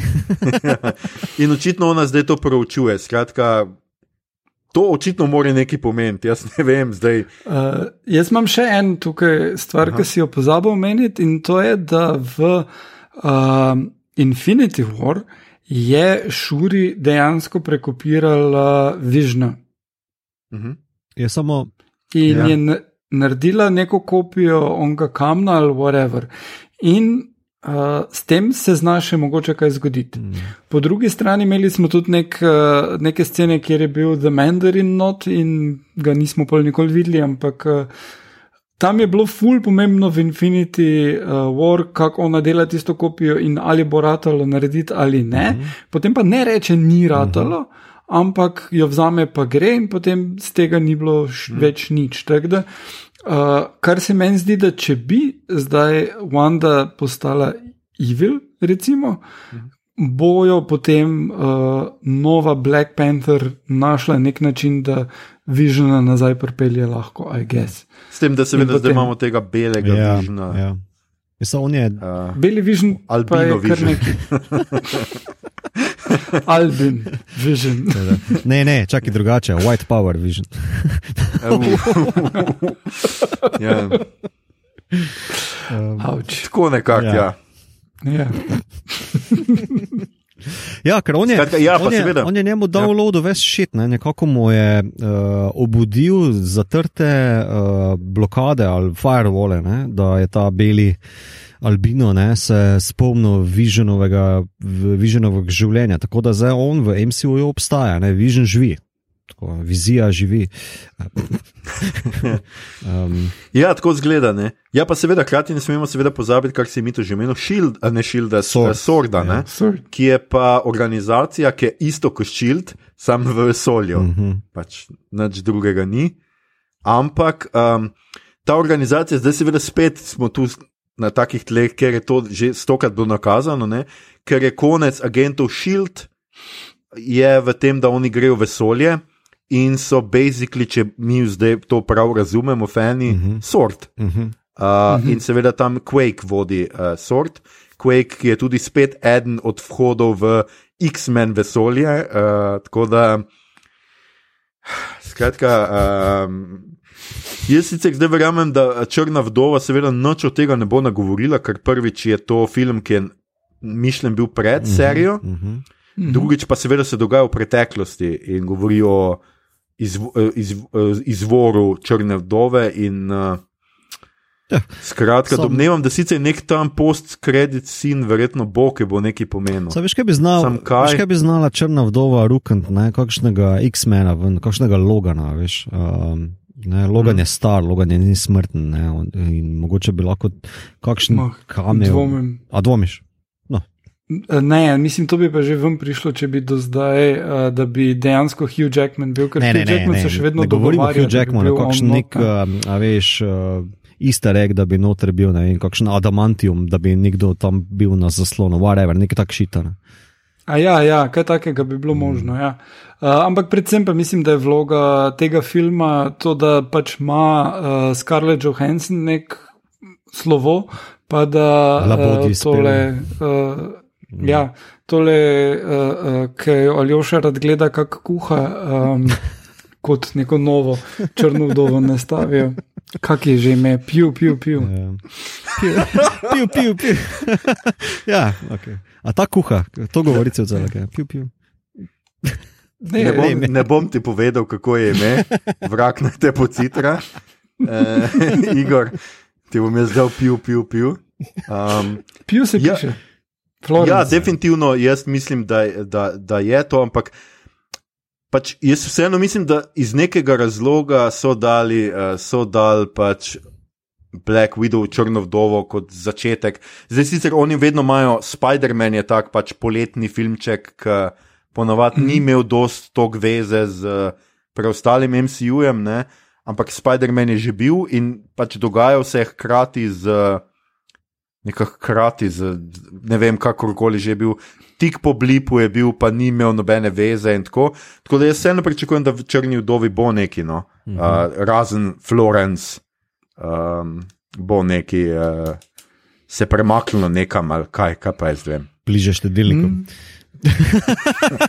oh, uh, je, če kuha, rekel si, da greš kuha. Okay, ja, Florence je zelo odlična kuharica in pač te angliške, britanske recepte obvlada. Da, um, pa zelo zabavna in simpatična, tako da jo je se čist redi. Užitek gledati. Rad bi kdaj probo. Ja, in da skuha. Ja, to pa še ne. Veš, kaj to dela na storijih, jaz ne znam to, kako to ustaviš in bolj v miru pogledaš. Da, še, si že mogel bi si pisati zraven. Nucamo, smelo vižen, nucamo to. Um. ja, absolutno rabimo smelo. Skratka, ja. pričakujemo lahko bodi si skrite vojne, bodi si ne vem mm -hmm, kaj. Mm -hmm. uh, bomo uh, verjetno videli. Mm. Ja. Uh, mislim, vsekakor mislim, da uh, kar sem zaenkrat videl od Falkona in um, Winter Soldierja in glede na pričakovanja, ki jih imam za Hawkeye, da je to bil kar en vrhunec uh, uh, MCU TV-ja, ki ga ne bojo dosegli, po drugi strani pa pride še Loki ven, tisto mhm. pa. Vseeno mislim, da bi znalo biti mogoče celo še boljše, če ne drugega Matoma Hiddlestona. Jaz pa mislim, da bo tisto taki heist movie, uh, body comedy. Mislim, po trailerjih sodeč se ful zabavajo vsi, tako te. Marvelovske enostavčnice se sekajo. Veš, mislim, po mojem bo full fun, um, bolj komedij. Jaz tudi bolj pričakujem ja. nekaj v tem Thorovem mm -hmm, nadaljevanju mm -hmm. Thora in tako in brez teh nekih. Ja, ker tudi mislim, da Thora, pač, ki ga dajo našemu najljubšemu režiserju, mu ga mm -hmm. pač ne dajo zato, da bi on z MCU imel full povezave, mm -hmm. ker po mojem otok ne zaupajo. Mm -hmm. Ampak mu dajo, klej zabavaj se. Ja, ja. Do, Vsi se zabavajte, imejte se pa. Ja, ja, ja, ja. uh, tako da ta Ika bo, po mojem, tudi naredil. In, ja, gledaj, jaz sicer tako, pač, sorry, uh, ampak meni men nista tako napačna. No, um, uh, uh, sokole, sokolec in uh, zimski voščak, če se zabavam, pač tako gledljiva. Stvarca pa všeč so mi ti, no, tako kot sem rekel, druga epizoda mi je bila že precej, precej boljša, akcija je pa še zmeraj tako kaj bi lahko naredili s, tistim, s tem, da imamo krila in s tem fajtom na, na tovornjakih, zdaj druge epizode jo, pa niso. No. Obupno. Ja. Res, ful stvari niso imele smisla, ful dost je bilo preveč ljudi. Da jim ostati na miru, dok ne bo tistega na oni strani tam fertik, potem pa se bomo pridružili fajtu ja. ali pa kaj vrgli tja ali pa kaj. Ful, ja, malo, tist, malo je, malo je hecno vse skupaj. Ja, Ampak badi badi humor je pa tle, rasizem v Ameriki je še zmeraj tle, črnci ne morejo dobiti posojila v banki, tudi če jih pet let v bes ni bilo, pa tudi če so super junaki, kar se mi zdi tudi čist. Čist uh, zelo ameriško. No? No, uh, je pa zanimivo, da, da prav isto temo je v prvem delu imel tudi uh, uh, DC v Superman in Lois, uh, kjer uh, je Martha Kent. Uh, izgubi bajto, zato ker ne more podaljševati posojil. ja. In ker je črna. ne, ampak prav to z bankami, ki, prav, ki, ki ne upoštevajo resnih ljudi mogoče, in superjunakov. Mogoče pa to misli folk, ko gleda Snyder vrsko, da je to full dark, veš, da dobijo folk ne dobi kreditov. ja. Tudi če si supermenova mama, ne dobiš ja. kredita, to je pa res ja, dark. Ja. Ja. Kar dark. V bistvu ona izgubi bajto, ona je izgubila bajto v dveh različnih zadevah na HBO-ju. ja. Mislim, meni je logično, da supermenova mama ne dobi zavarovanja. To mi je logično. veš. Tudi tud jaz nobenemu od teh superjunakov ne bi dal zavarovanja, to se mi zdi tako. On, halo? ne samo, da je No no way. Kansas, še Karl Elm je v bistvu tista glavna tegoba. Ja. Mislim, halo. Uh, sicer je večina teh stvari act of God, ne, se lahko opredeli, Uh, uh. tako da ne rabijo plačati. Ne, ampak, Force Glej. pa to. Ja, dobro, dobro. ja. Ja, ja. Um, no, če vseeno mislim na konec, uh, tako za tiste, ki niste gledali, ne, devet epizod je samo, pač pogledajte, meni se zdi uh, serija čist fina, legalno, žal je še zmer ne morete gledati, tako da bo pač treba biti mal pirata. Uh, zato, da si pogledate, upamo pa, da Disney Plus mogoče vidimo vsaj tam do Lokija enkrat. Mhm. Ampak A, Loki, Napovedano je, da v prvi polovici tega leta, tako da še imajo tri mesece. there. Ja. Uh, no, skratka, uh, to je to. Um, Glejte, WandaVision, poslušajte nas zmeri, ne glede na to, kaj govorimo. Mm. Uh, Ja. in mi to. A se meni zdi, da smo bili Bo- full pridni skvarniki, da res nismo full spoiler. Kako smo Vse prizadeli? smo spoiler? Ne, mislim tako, se mi zdi, da nismo prav bili. pol Pa, ja, ok, aga, to smo nekako ruknili. Dobro. Ja, gled, aga, to smo plus povedali, smo, kaj je cel point, da zakaj je ona vse naredila, ampak vse ni nek problem. Mislim, Ja. dejansko se ne moramo pogovarjati o tem, če ne rečemo, da je to serija o žalosti in prebolevanju Mm, mm, izgube. mm. In, uh, Ampak vse ja, to je nekako logično. Vse, če poznaš, mislim, za tiste, ki poznajo lika, vejo. Da je Ja, ampak če gledaš tem. trailer, ne veš tega. Ne? Če gledaš trailer, vidiš, da je to sitko. pol pa da se vrnem, Uh, vse, ko smo glih na koncu pred Star Trek kotičkom, kako bi vidva nekomu, ki ni gledal, uh, ki ne pozna MCU-ja Marvel, ništa razložila, kaj se gre WandaVision v dveh stavkih. Uh, vem en stavek. Uh, what is grief if not love persevering? Oh, kako lepo, to je pa res. Ja, Tle je šel Marvel že v pesniške Ja, vode. ja, ja. Um, In de, definitivno Bed ni zna deliverati take Mm, mm, verze. In, uh, ja. Mhm. Ja, moram reči, Mislim, da je to kar. moram reči, da on. Mislim, da Igor se Ja, ne, sem moram reči, da tudi on zadnji uh, dialog med njima je bil res tak. Uh, se je dotaknil, uh, ja, fucking audio medij imamo, uh, pač to kažem na srček. Um, uh, ja, ja, tiste, čej, uh, ti si, uh, ti si moja ljub. Ti si moja ljubezen, ne, kao, ne, ko vpraša, kdo sem jaz, mm -hmm. če vse fake, pa ona tako reče nazaj, ti si moja ljubezen. Sem Mislil, wow, to je Mhm. zelo lepo. Ja. Res je, in uh, zdaj gremo k še neč, nečemu, kar je zelo lepo, in to je seveda Star Trek kotiček. In bo mi to povedal dve stvari, in eno od njih celo poznam, Ja. tako da me zelo, Ja. se zelo veselim. Uh, Ja, ker me zanima, če boš Ja. lahko ti povzel uh, ta drugo zadevo, ta prvo bom jaz, ker razdelil sem na dve temi, ki jo WandaVision um, izpostavi. Uh, zdaj ta TNG Dark Page sedma sezona, uh, sedmi del, uh, se gre predvsem o psihološki travmi, uh, o izgubi otroka. In uh, uh, glavni lik je tukaj uh, Laksana Troj, torej mati Diane Troj, ki je ponavadi v TNG zelo eh, cringy lik. Jaz, ko me gledam te njene dele, vse v prejšnjih epizodah, ampak v tem delu je pa the best, ker je ta resna drama, uh, prav tako serious shit. Uh, premisa je zelo simpel, uh, torej ona je ambasadorka uh, federacije, ki skuša uh, spostaviti stik z telefonom zgolj telepatsko raso, ki ne, se ne zna verbalno sporazumevati. In preko tega stika, ko ona skuša komunicirati med Picardom in vem, njimi, ne, a, prihaja do tako intenzivnih telepatskih soočenj, da ji travmo izguba otroka fukne. Na, uh, na površje in pade v komo, in Diana, ni, Diana Troj, njena hčerka, ki nima pojma o tem, kaj se dogaja, nima pojma o izgubi njene sestre, uh, skoči v telepatsko navezavo z njo in imaš potem neko virtualno psiho, rečemo temu Vulcan Mind Meld varianto, ko ona hodi po, uh, pa raziskuje njeno. Um, Psihološko pokrajino, da skuži, kaj je ta travma, zaradi katere njena mati trpi. Uh, in je zelo dark, ampak tudi zelo human delno, zelo, zelo the best. F- Odlično odigran, uh, en ta boljših. No. Um, tako da ja. Ta drugi del, je pa The Survivors iz tretje sezone, tretji del tu pa Aljošo prepustil, da me, me zanima, boš, kako ti vidiš to povezavo na WandaVision. Evo, zdaj že lahko žezlo predajam. uh,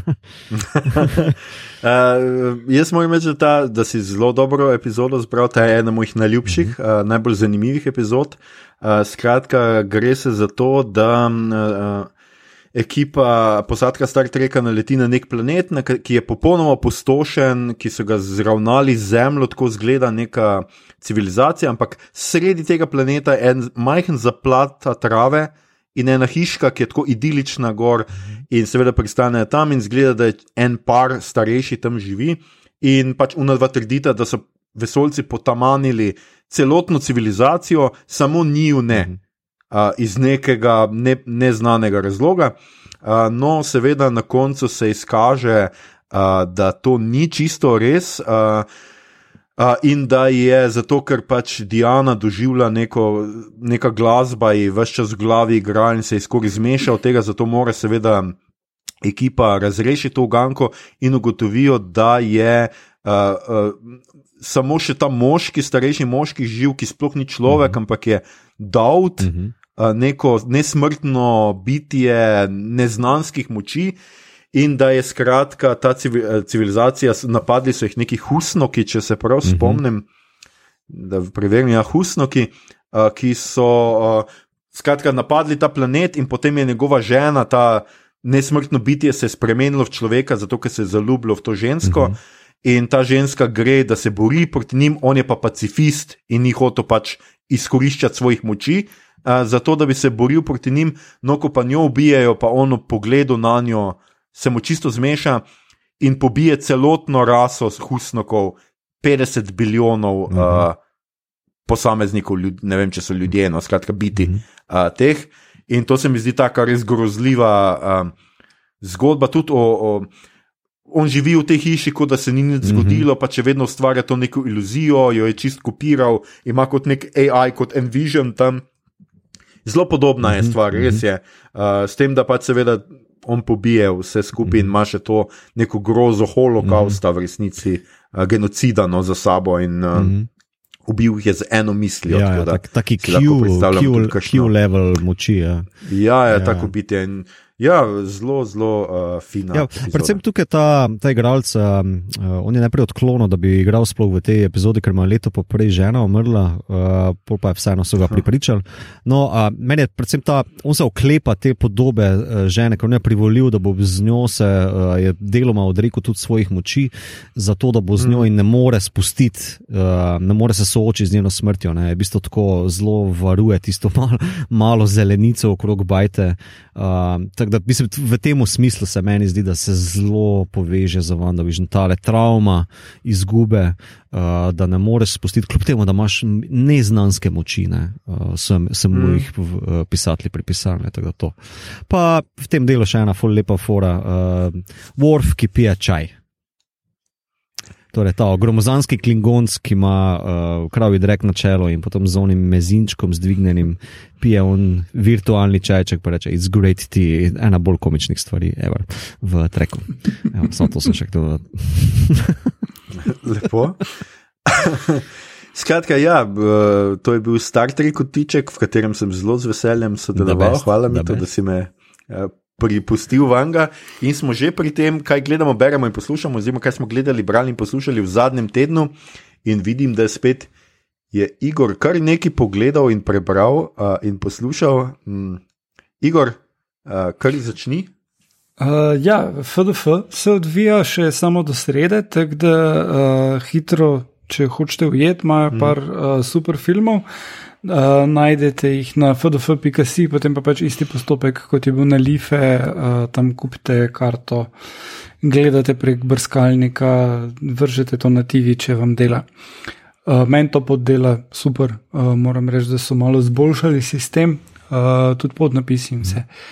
Uh, in sicer dva filma, ki bi jih izpostavil, en je uh, Zapiski iz podzemlja in je uh, o Dunajskih gangsterjih iz vem, 50-ih, 60-ih. Uh, to so dan danes zelo, zelo stari ljudje in uh, vse skupaj poteka prek intervjujev z njimi in oni razlagajo, kako je bilo takrat uh, po vojni, kako uh, so. Uh, pač imeli so neko gambljanje prek, pa policija se je spravljala na njih in kako so jih potem zašili, kljub temu, da niso bili na koncu za stvari, ki niso bili krivi, ker jih niso mogli dobiti za stvari, ki so jih ušpičili, kako so bili vmes neki šutavti, kako so se tepli. V glavnem, zelo hecno je, je gledati ene take stare, umirjene ljudi, ki razlagajo, kako so rulali Dunajsko underground sceno v začetku 60-ih. Um, je pa malo počasni film, pa še dosta uh, petja, ker eno teh ljudi, fulpoje, še vedno ni tako nujno bilo tistih, ki imajo dodati vseh not. Uh, drugi pa film, pa ameriški, je pa dost bolj uh, pretresljiv in sicer naslov je Neprebojen, narejen je v slogu Cinema Verite in um, pač ta režiser spremlja eno srednjo šolo v Teksasu. Uh, kako imajo priprave na to, da je active shooter, kaj morajo učitelji narediti, in tako dalje. In potem, kak tip, ki fura security system v šoli, varnostnik, kak je vzpostavljeno. Recimo, ena od stvari je, da vsak dijak in zaposleni ima en tak uh, ključek, da spremljajo neko lokacijo, uh, da vedno vejo, kje je. Potem imaš recimo. Uh, v učilnico, kako se jo zabarikadira, kje steno se postavi, to, to vse važijo. Dijaki in, in učitelji, in potem greš pa recimo v Vegas na šov, kjer predstavljajo rešitve, kot recimo uh, tabla, tako premična, ki je bulletproof in jo postaviš lahko pred vrata, ali pa celo jih daš tri skupaj, pa lahko napreduješ proti active shooterju, uh, če si policaj. Uh, pa uh, potem imaš, um, kar mi je bilo še sploh tako, omarce, ki se lahko noč skrijejo, dijaki in so tudi uh, bulletproof. Skratka, vse razne regulacije ja. orožja, vse rešitve. Ja, ja, v bistvu potem še pokaže, kako uh, assault weapons, ono vojaško ima šola, uh, koliko jih ima, ne vem, mislim, da jih ima 10, pa 200 na, za zihar, če se pokvarijo, da jih imajo v rotaciji, uh, kdo vse jih uporablja, tečaje, uh, streljanja za učitele in kako to treba handlati. Najboljši pa na koncu, ko zaključi, ker oni tip, ki ima security čez, ki razlaga, kjer vse assault guns ima, kak spremlja lokacijo vsakega dijaka in, in njihove objave na social medije in tako dalje. Uh, kako on pol prijavi, da uh, ja, njemu se to zdi čist narobe vse, pa tip je tako, no, uh -huh, uh -huh. umara.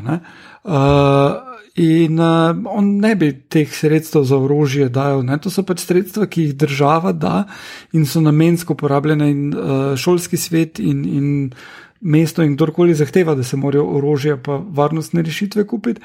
Medtem ko on pa je mnenja, da bi bolj tak. Uh, Social programi, da ne vem, če ima nekdo anxiety, da se pogovoriš z njim, da ljudje, ki imajo razne travme, uh, se jim counseling zagotovi. Uh, Tak, pa pač tudi za, za celo okoliš. Ne, običajno je strelec bil nek dijak ali pa bivši dijak, in da če te probleme shendlaš, nek random človek bo zelo redko prišel v šolo postreljati. Um, no, tako da take stvari uh, so, so not in uh, ja, ja, je vredno gledati ta film. Okay. Uh, okay. Potem pa sem začel gledati še dve serije, ki sta starši na HBO-ju, glih druga sezona prišla, uh, Martin Freeman igra glavno vlogo in je tudi soavtor. Uh, Breeders je naslov, še boljši kot prva sezona, uh, naslov, mislim, kar povejo, pa še ena ženska sta starša, otroka sta naenkrat iz prve sezone v drugo, uh, kar je za nas eno leto bilo, je bilo za otroke pet, mm -hmm. ampak vredno so boljši igravci dobili in imajo bolj najstniške težave ti otroci. In uh, ful uh, vredu eno teme uh, furajo naprej in predvsem je to uh, obvladovanje jeze in frustracij, kar uh, mislim, da.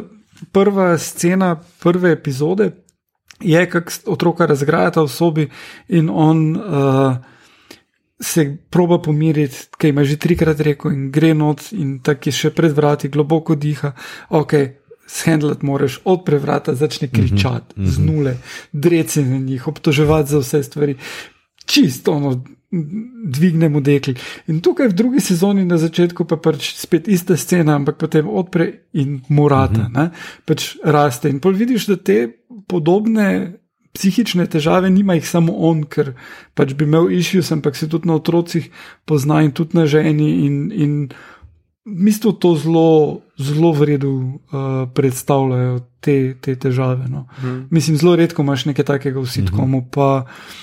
Po drugi strani me pa malo skrbi za Martina Freemana, ki po Sherlocku, po Hobbitu, po eno par vlogah takih zdaj mislim, da ima anger management issues, ki še samo te vloge jemlje. No. Um, gledal sem pa tudi Calls na Apple TV, ki je nekaj najbolj disturbing, kar sem videl, in komaj čakam, da pogledam celo serijo in vam povem kaj več. okay. Okay. Da poslušaš celo serijo. ja. Čeprav tisto, kar vidiš tam, je še bolj disturbing, pol naredi, potencira zvok. Da, ja. Aha, vizualizacija pa se sam tako, kot včasih na vinem pojani. Najprej izgleda tako, potem pa dejansko Aha, uspejo okay, z tega nekaj narediti. Ja. Okay. Uh, Mito, ti si celo neki špijal. Yes. Uh, tokrat sem malo drugače obrnil. Uh, nisem imel nekaj preveč, saj ta zraven WandaVision, malo vipa gledam, uh, kul je. Uh, končal sem mm. tretjo sezono, tako zelo izproščujoče um, um, serija no, s tem nežnim, benignim političnim komentarjem. Uh, ne, špilov sem pa, zakončno, to so stari špili zdaj za resne gamere, ampak za me je bilo to nekaj, kar sem pač mogel odlašati, ker nisem imel PlayStation 3 in sem si ga zdaj končno sposodil.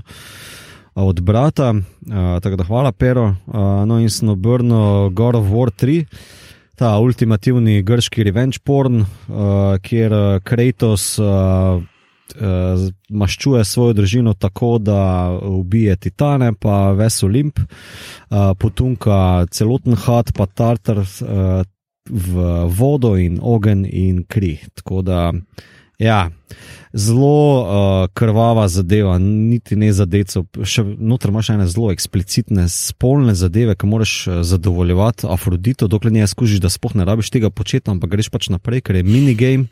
Um, tako, uh, stupid, ampak moram reči, da v teh stretnih cajtih mi je prav uh, manjko en button mash game, uh, da pač točeš, uh, pa kričiš zraven. Uh, ta drug špil, Journey, je pa. Uh, iskreno povedano, artpis, uh, res uh, izjemna, izjemna igra. Um, nobenega narativa ni, uh, ampak je pa audiovizualen uh, pristop do, preprosto rečeno, lika, ki skuša potovati na vrh gore. Uh, ne vem, če kdo že odvaja to igral, um, ampak to je. Ful lepo narejeno, glasba je izjemna, glasba je bila celo, celo nominirana za Gremija, prvi prva video igra, ki je sploh dosegla ta uh, level. Um, zgodbe pa ni, v bistvu ti si takoj postavljen kot lik sred puščave, uh, nobenih tutorialov, nimaš ti zgolj te vleče nekako intuitivno, da greš proti neki gori, ki ima na vrhu eno lučko in. Uh, Uh, Máš zgolj preproste ukaze, uh, skok, pa nek zvok, in uh, to je to ne vem, kako bi lahko drugače opisal kot pač uh, potovanje, ki ga sam si zastaviš, nobenih bad guyov ni, nobenih smrti ni, uh, nobenih, uh, veš, full hudih preprek, uganke imaš, neko preprosto mehaniko, ampak to je taki estetski izdelek. Tako, ne, uh, tako izpiljen koncept indie game uh, uh, producentov, da je uh, art. Um, in res vsakemu priporočam, če imaš PS, uh, trojko ali pa štirko, si jo lahko privoščiš, ali pa na Windows PC, pa zdaj od 2019 um, uh, na iOS, torej na Apple. Ne? Uh, nekaj najboljšega, kar sem kadarkoli igral, pa sem že marsikaj obrnil no? in to je res, to je art, pure art. Nekaj, a veš, to je, to je tista zadeva, ko evo, lahko me citiraš. Če imaš starše ali pa stare starše, ki nimajo blage, ki so igrice ali pa da to samo neko klanje, jim to pokaž. Ker bo vsak lahko znal to igrati, pa vsak vse bo lahko noter živel in je v bistvu emocionalno potovanje. Uh, neki na levelu knjige ali pa filma, res to je ta level. Um, Okay. Ja. Hvala mi tudi za to zelo doživeti. Ja, ne, ker res, res uh, jaz ni igral, Tina me je zraven gledala, v dveh urah obrneš kratek špil je in uh, oba dva smo čutila. Uh, Nekaj, no, ne vem, kako ti ne rečem. To ni, eh, ni kar neki izdelek, ki ga pač pogledaš, pa zavržeš, ali pa ven iz diska, uh, fukneš nazaj v škatlico. Neki, neki, neki ti postino. Um, Okay. Ja. Fino. Mm. Skratka, uh, ja, jaz sem, jaz sem o dveh stvarih za poročati. Eno, sicer samo omenil, pogledal sem dokumentarec Time, še en izmed dokumentarcev, ki je nominiran za Oscarja. In uh, bom pač uh, o njej bomo več govorili v Oscarjevski oddaji, mm -hmm. ampak je pa tako zelo poetičen, zelo intimen, v bistvu gre za, za prizore ene družine, ki čaka moža oziroma očeta, da ga uh, spustijo iz zapora, uh, kamor je bil pač uh, zaprt zaradi ropa banke in je dobo 60 let uh, zapora. Uh, in skratka, seveda mu malo skrajšajo kazen, no, ampak, ampak vidimo vso to odisejo. Te familije je pa zgrajen dokumentarec z večinoma z njenimi. Z pač posnetki njegove žene, oziroma mame, otrok teh, ki je pač cela družina, uh, z njenimi družinskimi posnetki. No. Mm. Hkrati pa ima zelo malo nekega, zelo minimalno narativa in je en tak res kar poetičen in zanimiv, zanimiv dokumentarc. Um, okay. In pa ja, pogledal sem, zdaj sem skozi tretjo sezono Star Treka, Next Generation. In moram reči, da mi je to najboljša sezona do zdaj. Malo sem tuhto, pač kaj bi, katere neki um, epizod, ki so se mi zdele najboljše, in uh, v bistvu sem res težko izbral, ker mi je bilo zelo veliko, zelo, zelo všeč. Moram reči, da mi je res všeč, kako gradijo, kako so zgradili te like, ker se zdaj imaš, kot je pač, če, veš, če Vorfa ne poznaš, -hmm. vam tista slika, kako on pije čaj, noč ne pomeni, ampak. Ko ga že toliko poznaš, pa toliko vidiš, je pa super, no, ene stvari, ki se dogajajo. Um, zdaj sem itek že začel četrto sezono in pa seveda, kako so te borge upeljala, ne, ki so bili na začetku omenjeni, zdaj so pa na koncu sezone, to se mi je zdelo, oziroma celo en cliffhanger so imeli iz tretje v četrto sezono, ker pač pikari, da borgi poborgajo. In, uh, se mi je zdelo zelo fino, posebej pa v resnici mi je bila še pa bolj všeč zdaj.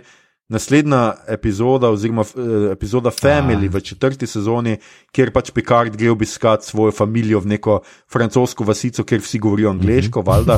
Uh, in uh, je tam pač nekaj, kako je v bistvu ta emocion, emocionalen del Picarda udari ven po njegovem pretepu z bratom. To se mi je pa zdelo nekaj tako noro dobrega v znanstveni fantastiki, kar tudi zdaj redko vidiš, kaj šele v tistih mm -hmm. cajtih. No, uh, uh, tako da to se mi je zdelo res super. Sem pa hotel izpostaviti, mogoče, če v tisti epi, uh, epizodi, ki jo bomo po, uh, posvetili tej seriji, ne bomo imeli cajta.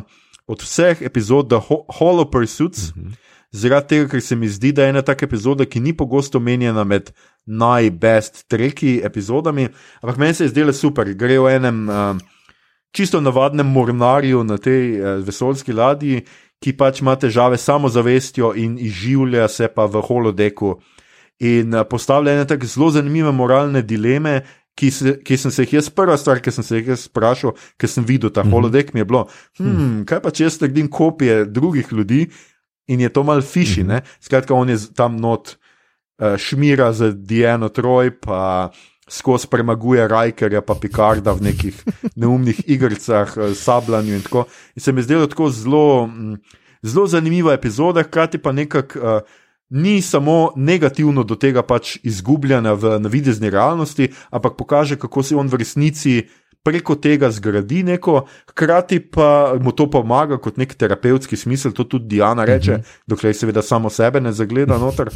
Ampak super se mi je zdelo pa to, kjer se spet pokaže, zakaj je meni Picard eden najboljših likov ever, ker gre Rajker Picado pa reče, da bi tega tipa mogli odpustiti, ja. pa mu Picard reče, da ne, da absolutno ne in da ga naj naj se pač, um, kaj že, uh, spoprijatelji z njim, uh, naj pač, ja. Naj skratka nekaj naredijo, naj mu pomagajo človeku, ne pa ga odpikati. Mm -hmm. In to se mi je zdelo tako, šefa, ki ima tak, ki tako vodi kolektiv, pa res mm -hmm. moraš imeti rad. No. Ja, ja. Reginald Barkley, oziroma Brokoli, kot se Picardo zagovori. Uh, remember the name Barkley, kar on še kar pomemben za Voyager. Um, pa tudi mm. v TNG ima par dobrih delov. Uh, ja, ta je zabaven. Um, Ja. Meni je. Itak si navedel, ene, pa res par top, uh, vse bo folk se znam pogledal, ne, who, who watches mm. the watchers, to je pač Prime Directive, kaj sploh to je, zakaj so v Star Treku tako mahneni na Prime Directive, zakaj se tega ne sme prekršiti, to je zlati primer tega. Mm. The Defector je meni zakon, ker je pač ta špionaža, pa potem posledice špionaže, pa torej defektor nekdo, ki prestopi ne, eno stran, pa romulanci. Ja, pa, spet ni, pa spet ni stereotipno, mm -hmm. pač pokaže, da so tudi nasprotniki ljudje. Ja, ja. ne. Uh, Mislim, biti. Ja. uh, The Offspring mi je pa kul. Cool. Uh, meni s to epizodo sem imel. Kot mulsko sem gledal, mi ni bilo jasno, kaj se dogaja, ampak zdaj, ko si pač malo bolj zrel, pa odrasel, pa je zelo zanimiva tema, še posebej aktualna, ki ima pač te eh, torej stvari identitete, ne, ne zgolj um, eh, stvar. Uh, Data pa lahko robot sploh ima potomce, ampak potem tudi, ki ima ta potomci izbiro, ki ima uh, mm. uh, nek vpliv na svoje življenje. Ne? Torej, ti- tisto neke izbire, ki se zgodijo ne, okrog, uh, bo moški, ženska ali karkoli, kaj bo, ne? kako bo se to od, uh, v družbi okrog uh, lal uh, odražalo, pa tako naprej. Pa se vem, uh, še vedno. Imáš pa potem še ta aspekt noter, uh, Starfleet, ki pa takoj hoče to tehnologijo zapopasti. Uh, tako da, ja, Mhm. kar, uh, kar dober pik. Ja. Um, Ja, tle Starfleet je mar podoben Marvelovim tem organizacijam, mm Mhm. -hmm. Shieldu in Mhm. Swordu in tako. In se mi zdi tudi to dobro, ker uh, z, pač. Tukaj malo razdel, začnejo razdelovati to mitologijo Starfleeta mm -hmm. in vsega skupaj, in se mi zdi mm -hmm. to, to zelo fino. Drugače pa ja, tiste, ki si jih pa ti navedel, mi to meni, o, o, Science of Father, mi niso bili tako, mi ni tako všeč, ker ne vem, tam se mi zdi tako. Mm -hmm. Mi je všeč Picard spet v razmerju do Warfa in kako je super do njega in mm -hmm. tako. Uh, ta The Hunted mi je pa šla na jedra, moram priznati, da ta tip, ki jih vse premaga, pa je tako nenadjebljiv, o moj bog, no, koliko so bili naivni. Res mi, na živce so mi šli no malo. No. Ampak všeč mi je pa seveda epizoda zaradi tega, ker spet postavi neko ful dobro moralno mm -hmm. dilemo, ker Starfleet spet ta Prime Directive mm -hmm. in vse to jada, jada. Po drugi strani pa tukaj imajo človeka, ki je izurjen za to, da, pobi, da je pobijal, da se je boril, da je bil vojak, potem pa je bil odvržen. Ja, Ja, Meni se ta tema zdi zelo zanimiva, ker je zelo aktualna. Mislim, še v 80-ih za ta PTSD, uh, post-Vietnamu, uh, je zelo bila ameriško perečo. Uh, uh, Problem. No? Uh, Se mi zdi, da je zelo dobro komentiral tudi, tudi uh, ta epizoda, pa tudi navezuje se na deloma no, na Vando. Ne? V bistvu, kako se neka organizacija ubada z, ali pa rečemo, whatever, no, pač kao obada z ljudmi, ki si jih Oblast, ja. ponucal za svoje svrhe, da se izrazim srbo-hrvaško, pa jih potem zavrgo. Ne, pač. Kaj z njimi delati? Ne, oni so jih dali na neko luno, ne bojo tam, pa samo da nas ne gledajo, pa naj jebajo v glavo. Ne. Mene je zanimivo, da si potem še spustil. Mislim, Sins of the Father mi je zanimiv, zato ker je to začetek loka um, Warfa, no? ker to je pač, tu se začnejo ti loki, ki jih uh, Star Trek, pardon, Star Trek uh, začne vzpostavljati, ne? ker vesta Duras, uh, War for Fotter, Klingonci, uh, to se tle začne in to boš mogel spremljati malo bolj aktivno. Ne? Isto kot Barkley, uh, on ima potem večjo vlogo tu noter. Tako kot v Yesterday Enterprise, uh, tale um, Taša Jar, ki se pač pojavi v alternativni mm. fori, se potem nekako vrne nazaj. Ne bom ti seveda izdal nekako, ampak je. Eh, fani imajo radi ta del, zato ker se en ljublik vrne nazaj, pa seveda zato, ker je full dark. Naprimer, že ta celotna kinematografija je full spremenjena. Takoj v, po tistem flashu je vse bolj temačno, vse bolj dark, vse bolj ono original, um, mm, the original series, uh, napeto. Ne?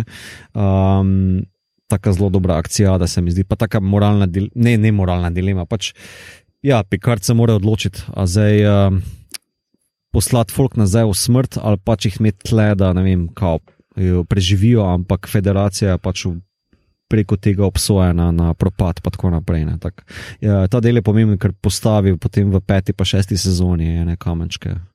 Tako da, ja, tretja sezona v bistvu zelo postavi ene par teh noter. The High Ground, pa me zanima, zakaj ga nisi noter dal, ker meni je pa ful zanimiv del. Uh, v eni prejšnjih naših epizod smo omenili, da ima Star Trek zelo zanimiv komentar na terorizem. Uh, v TNG-ju niti ne toliko, no? um, ampak The High Ground je prva epizoda, ki komentira terorizem. Ne? Uh, mm. Pa ne vem, če je zato ful dobro uspe te epizode, ker je zna biti zelo tako karizmatičen voditelj, ki potem krašercev ugrabi in pere možgane, kaj ja, pa se mi vsi trpimo, pa tako naprej. Um, ampak ni pa zelo enoznačno, skuša nekako, a veš uh, pristopiti do tega bolj plastično. Um, pa me zanima, kakšno je tvoje mnenje o tej epizodi? No? Ne, se meni je epizoda super, tako kot sem rekel, tretja sezona, skor, mislim, imela je zelo malo slabih delov ali pa delov, ki mi niso bili tako zanimivi, ampak pač tle sem sam izbral mm, ene par, o katerih ja. sem mislil čisto na kratko povedati, zato nisem pač jih tok dal noter. No. Se mi je zdelo, da pa ne morem. Seveda, ja, se vem, se vem, se vem. Vsake epizode ja. komentirati. Uh, ne, samo tako sem te hotel tega dati kot bombonče, ker pač to sem že enkrat omenil, pa ker še posebej, mm. ko boš pol prišel na DS9 pa Voyager, kjer je terorizem ali pa vse ta tema terorizma malo bolj v spredju. Uh, se, pač, če imaš kakšno mnenje o tem delu, samo to.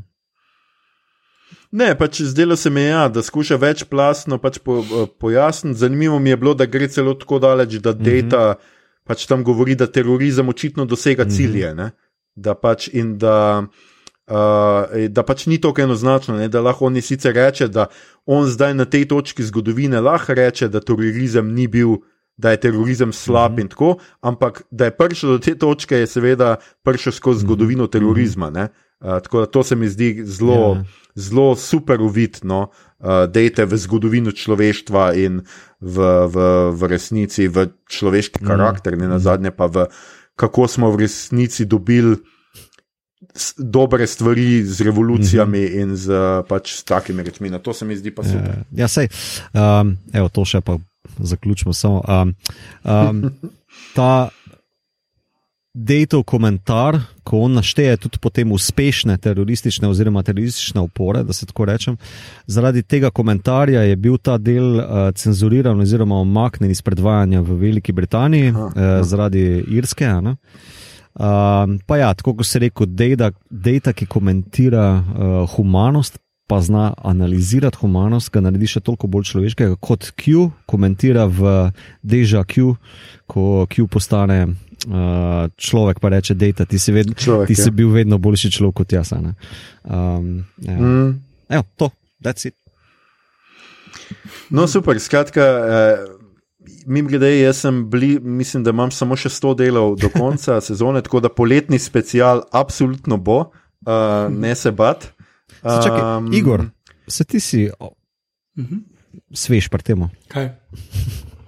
Uh, mislim, uh, vsake toliko sem gledal še pol kakšne dele, nisem pa nikoli sistematično pogledal od prvega do zadnjega dela, pa tudi uh, si ne znam predstavljati, da je imel čas za to, ever. Ampak um, bi pa rekel, da sem videl ene tri četrt vseh epizod. Uh. Uh, tudi sem pol šel uh, nazaj pogledati določene arke, ki nisem ujel, ko je bilo to na TV-ju, uh, pa potem sem še kdaj gledal. Tako da, uh, mislim, ne spomnim se glih vedno posameznih mm -hmm. epizod, sploh ne tako po naslovu, pa da bi vedel, kje sezoni je bil. Spomnim se pa določenih arkov, pa razvoja likov, pa, pa v bistvu poznam jih kar vse iz eh, TNG pa Voyager. Uh -huh. uh, to mi je tako bolj stvar otroštva, pa približno vem filme, kar vredno uh -huh. se mhm. spomnim. Uh, Medtem ko uh, Deep Space Nine, pa mogoče tri epizode gledal, Enterprise pa ja, nič. Oziroma, boš pogledal za naše fane, oziroma poslušalce, da bomo s to epizodo lahko bolj. bolj. Ne, TNG, ja, ampak eh, DC9 pa Enterprise pa ne, po mojem. Ok, mogoče DC9, ki ga ti dost hajpaš, da bom kdaj imel dobro. To je najboljši trek. Enterprise. Mislim, to je Voyager, je najboljši trek, ampak TNG je. Okay, kdaj kar ti napade, da prijem na tvoja vrata, to učpizna. Dobro, nehajte se pripirati, TNG je najboljši trek. Okay, zam, to vsi vemo, ker smo prišel. pogledali že prvi dve sezoni. uh, skratka, to bo zelo zanimiva epizoda. Uh, uh, mislim, da smo nekje blekli. Skratka, to načrtujemo za stoto epizodo, uh, poletno, za poletni special, tako da bodite v, v pričakovanju. Do takrat je v resnici samo še 16 epizod. Uh, to ni ja. več velik, uh, kaj ti ljudje, ljudine. To je bila že naša 84. epizoda. Uh, poslušali ste podcast, ki se oglaša na email bot, podcast za serije filme, risanke in knjige vseh žanrov od F do Z, ki ga gosti mreža Apparatus. Z vami smo bili, mi to stavi na konja, dokler ti vozi jajca. Mm. Um, Igor, razvoj zahodne civilizacije, Harp in uh, Aljoša, Rusi so not, Harlamo. Uh, tole epizodo smo znova posneli preko spleta z naših domov, mi se še vedno čuvamo, upamo, da se vi tudi. Da se čuvate znova, kaj ti prihaja tretji val, oziroma je že tukaj. S tem, ko čuvate sebe, čuvate tudi svoje bližnje, sosede, sodržavljane, s tem pomagamo razbremeniti medicinsko osebje, čuvamo se lahko samo skupaj, ostanimo skupaj, tudi ko smo narazen, da bo tega čim prej konec. Uh, če vam je bilo všeč, kar ste slišali, širite, lajkite naš podcast, naročite se nam preko vašega najljubšega appa oziroma ponudnika podkastov. Uh, še vedno toplo priporočamo. Castbox, zdaj ugotavljam, da zakaj vam tle lajkajte, naš všeč, kajte, všeč, kajte, to se bom mhm. popravil v tej scenariju, da imamo od zdaj naprej slovensko. Dajte nam kakšno ceno na Apple Podcast, spremljajte platformo aparatu z odličnim izborom podkastov za vsakega in če se vam bo v naslednjih dneh zdelo, da živite v humoristični seriji, zgolj upamo, da ta ni slovenska humoristična serija z komercialne televizije v 90-ih. Če je, nam je zelo žal, ampak nihče vam ne more pomagati. Nobena čarovnija tistega ne more narediti smešnega. Ej tudi povejo celo agenti oboje. Vrtičkari, vrtičkari, no to ni. Okay. oh, vrtičkari. Na Twitterju nas najdete kot adpostcast obot, na Facebooku in Instagramu smo, smo podcast obot s KM in brez pikic, tja delimo rajce, reprikolce in druge zanimivosti in tja lahko usmerite vprašanja. Pripombe, komentarje, čarovniške uroke, predloge, kaj bi za vas pogledali naslednjič. To je bila že 84. epizoda, 28. special iz karantene, mi pa se poslušamo znova v 85. epizodi čez teden dni, ko naj bi, glede na naš razpored, govorili o filmu Godzilla vs. Kong. Morda pa tudi o čem popolnoma drugem. Uh, pustite se presenetiti, obodovke in obodovci, do takrat pa nam le ostanite zdravi in se poslušamo. Right. Adios. Ah, it was Agatha.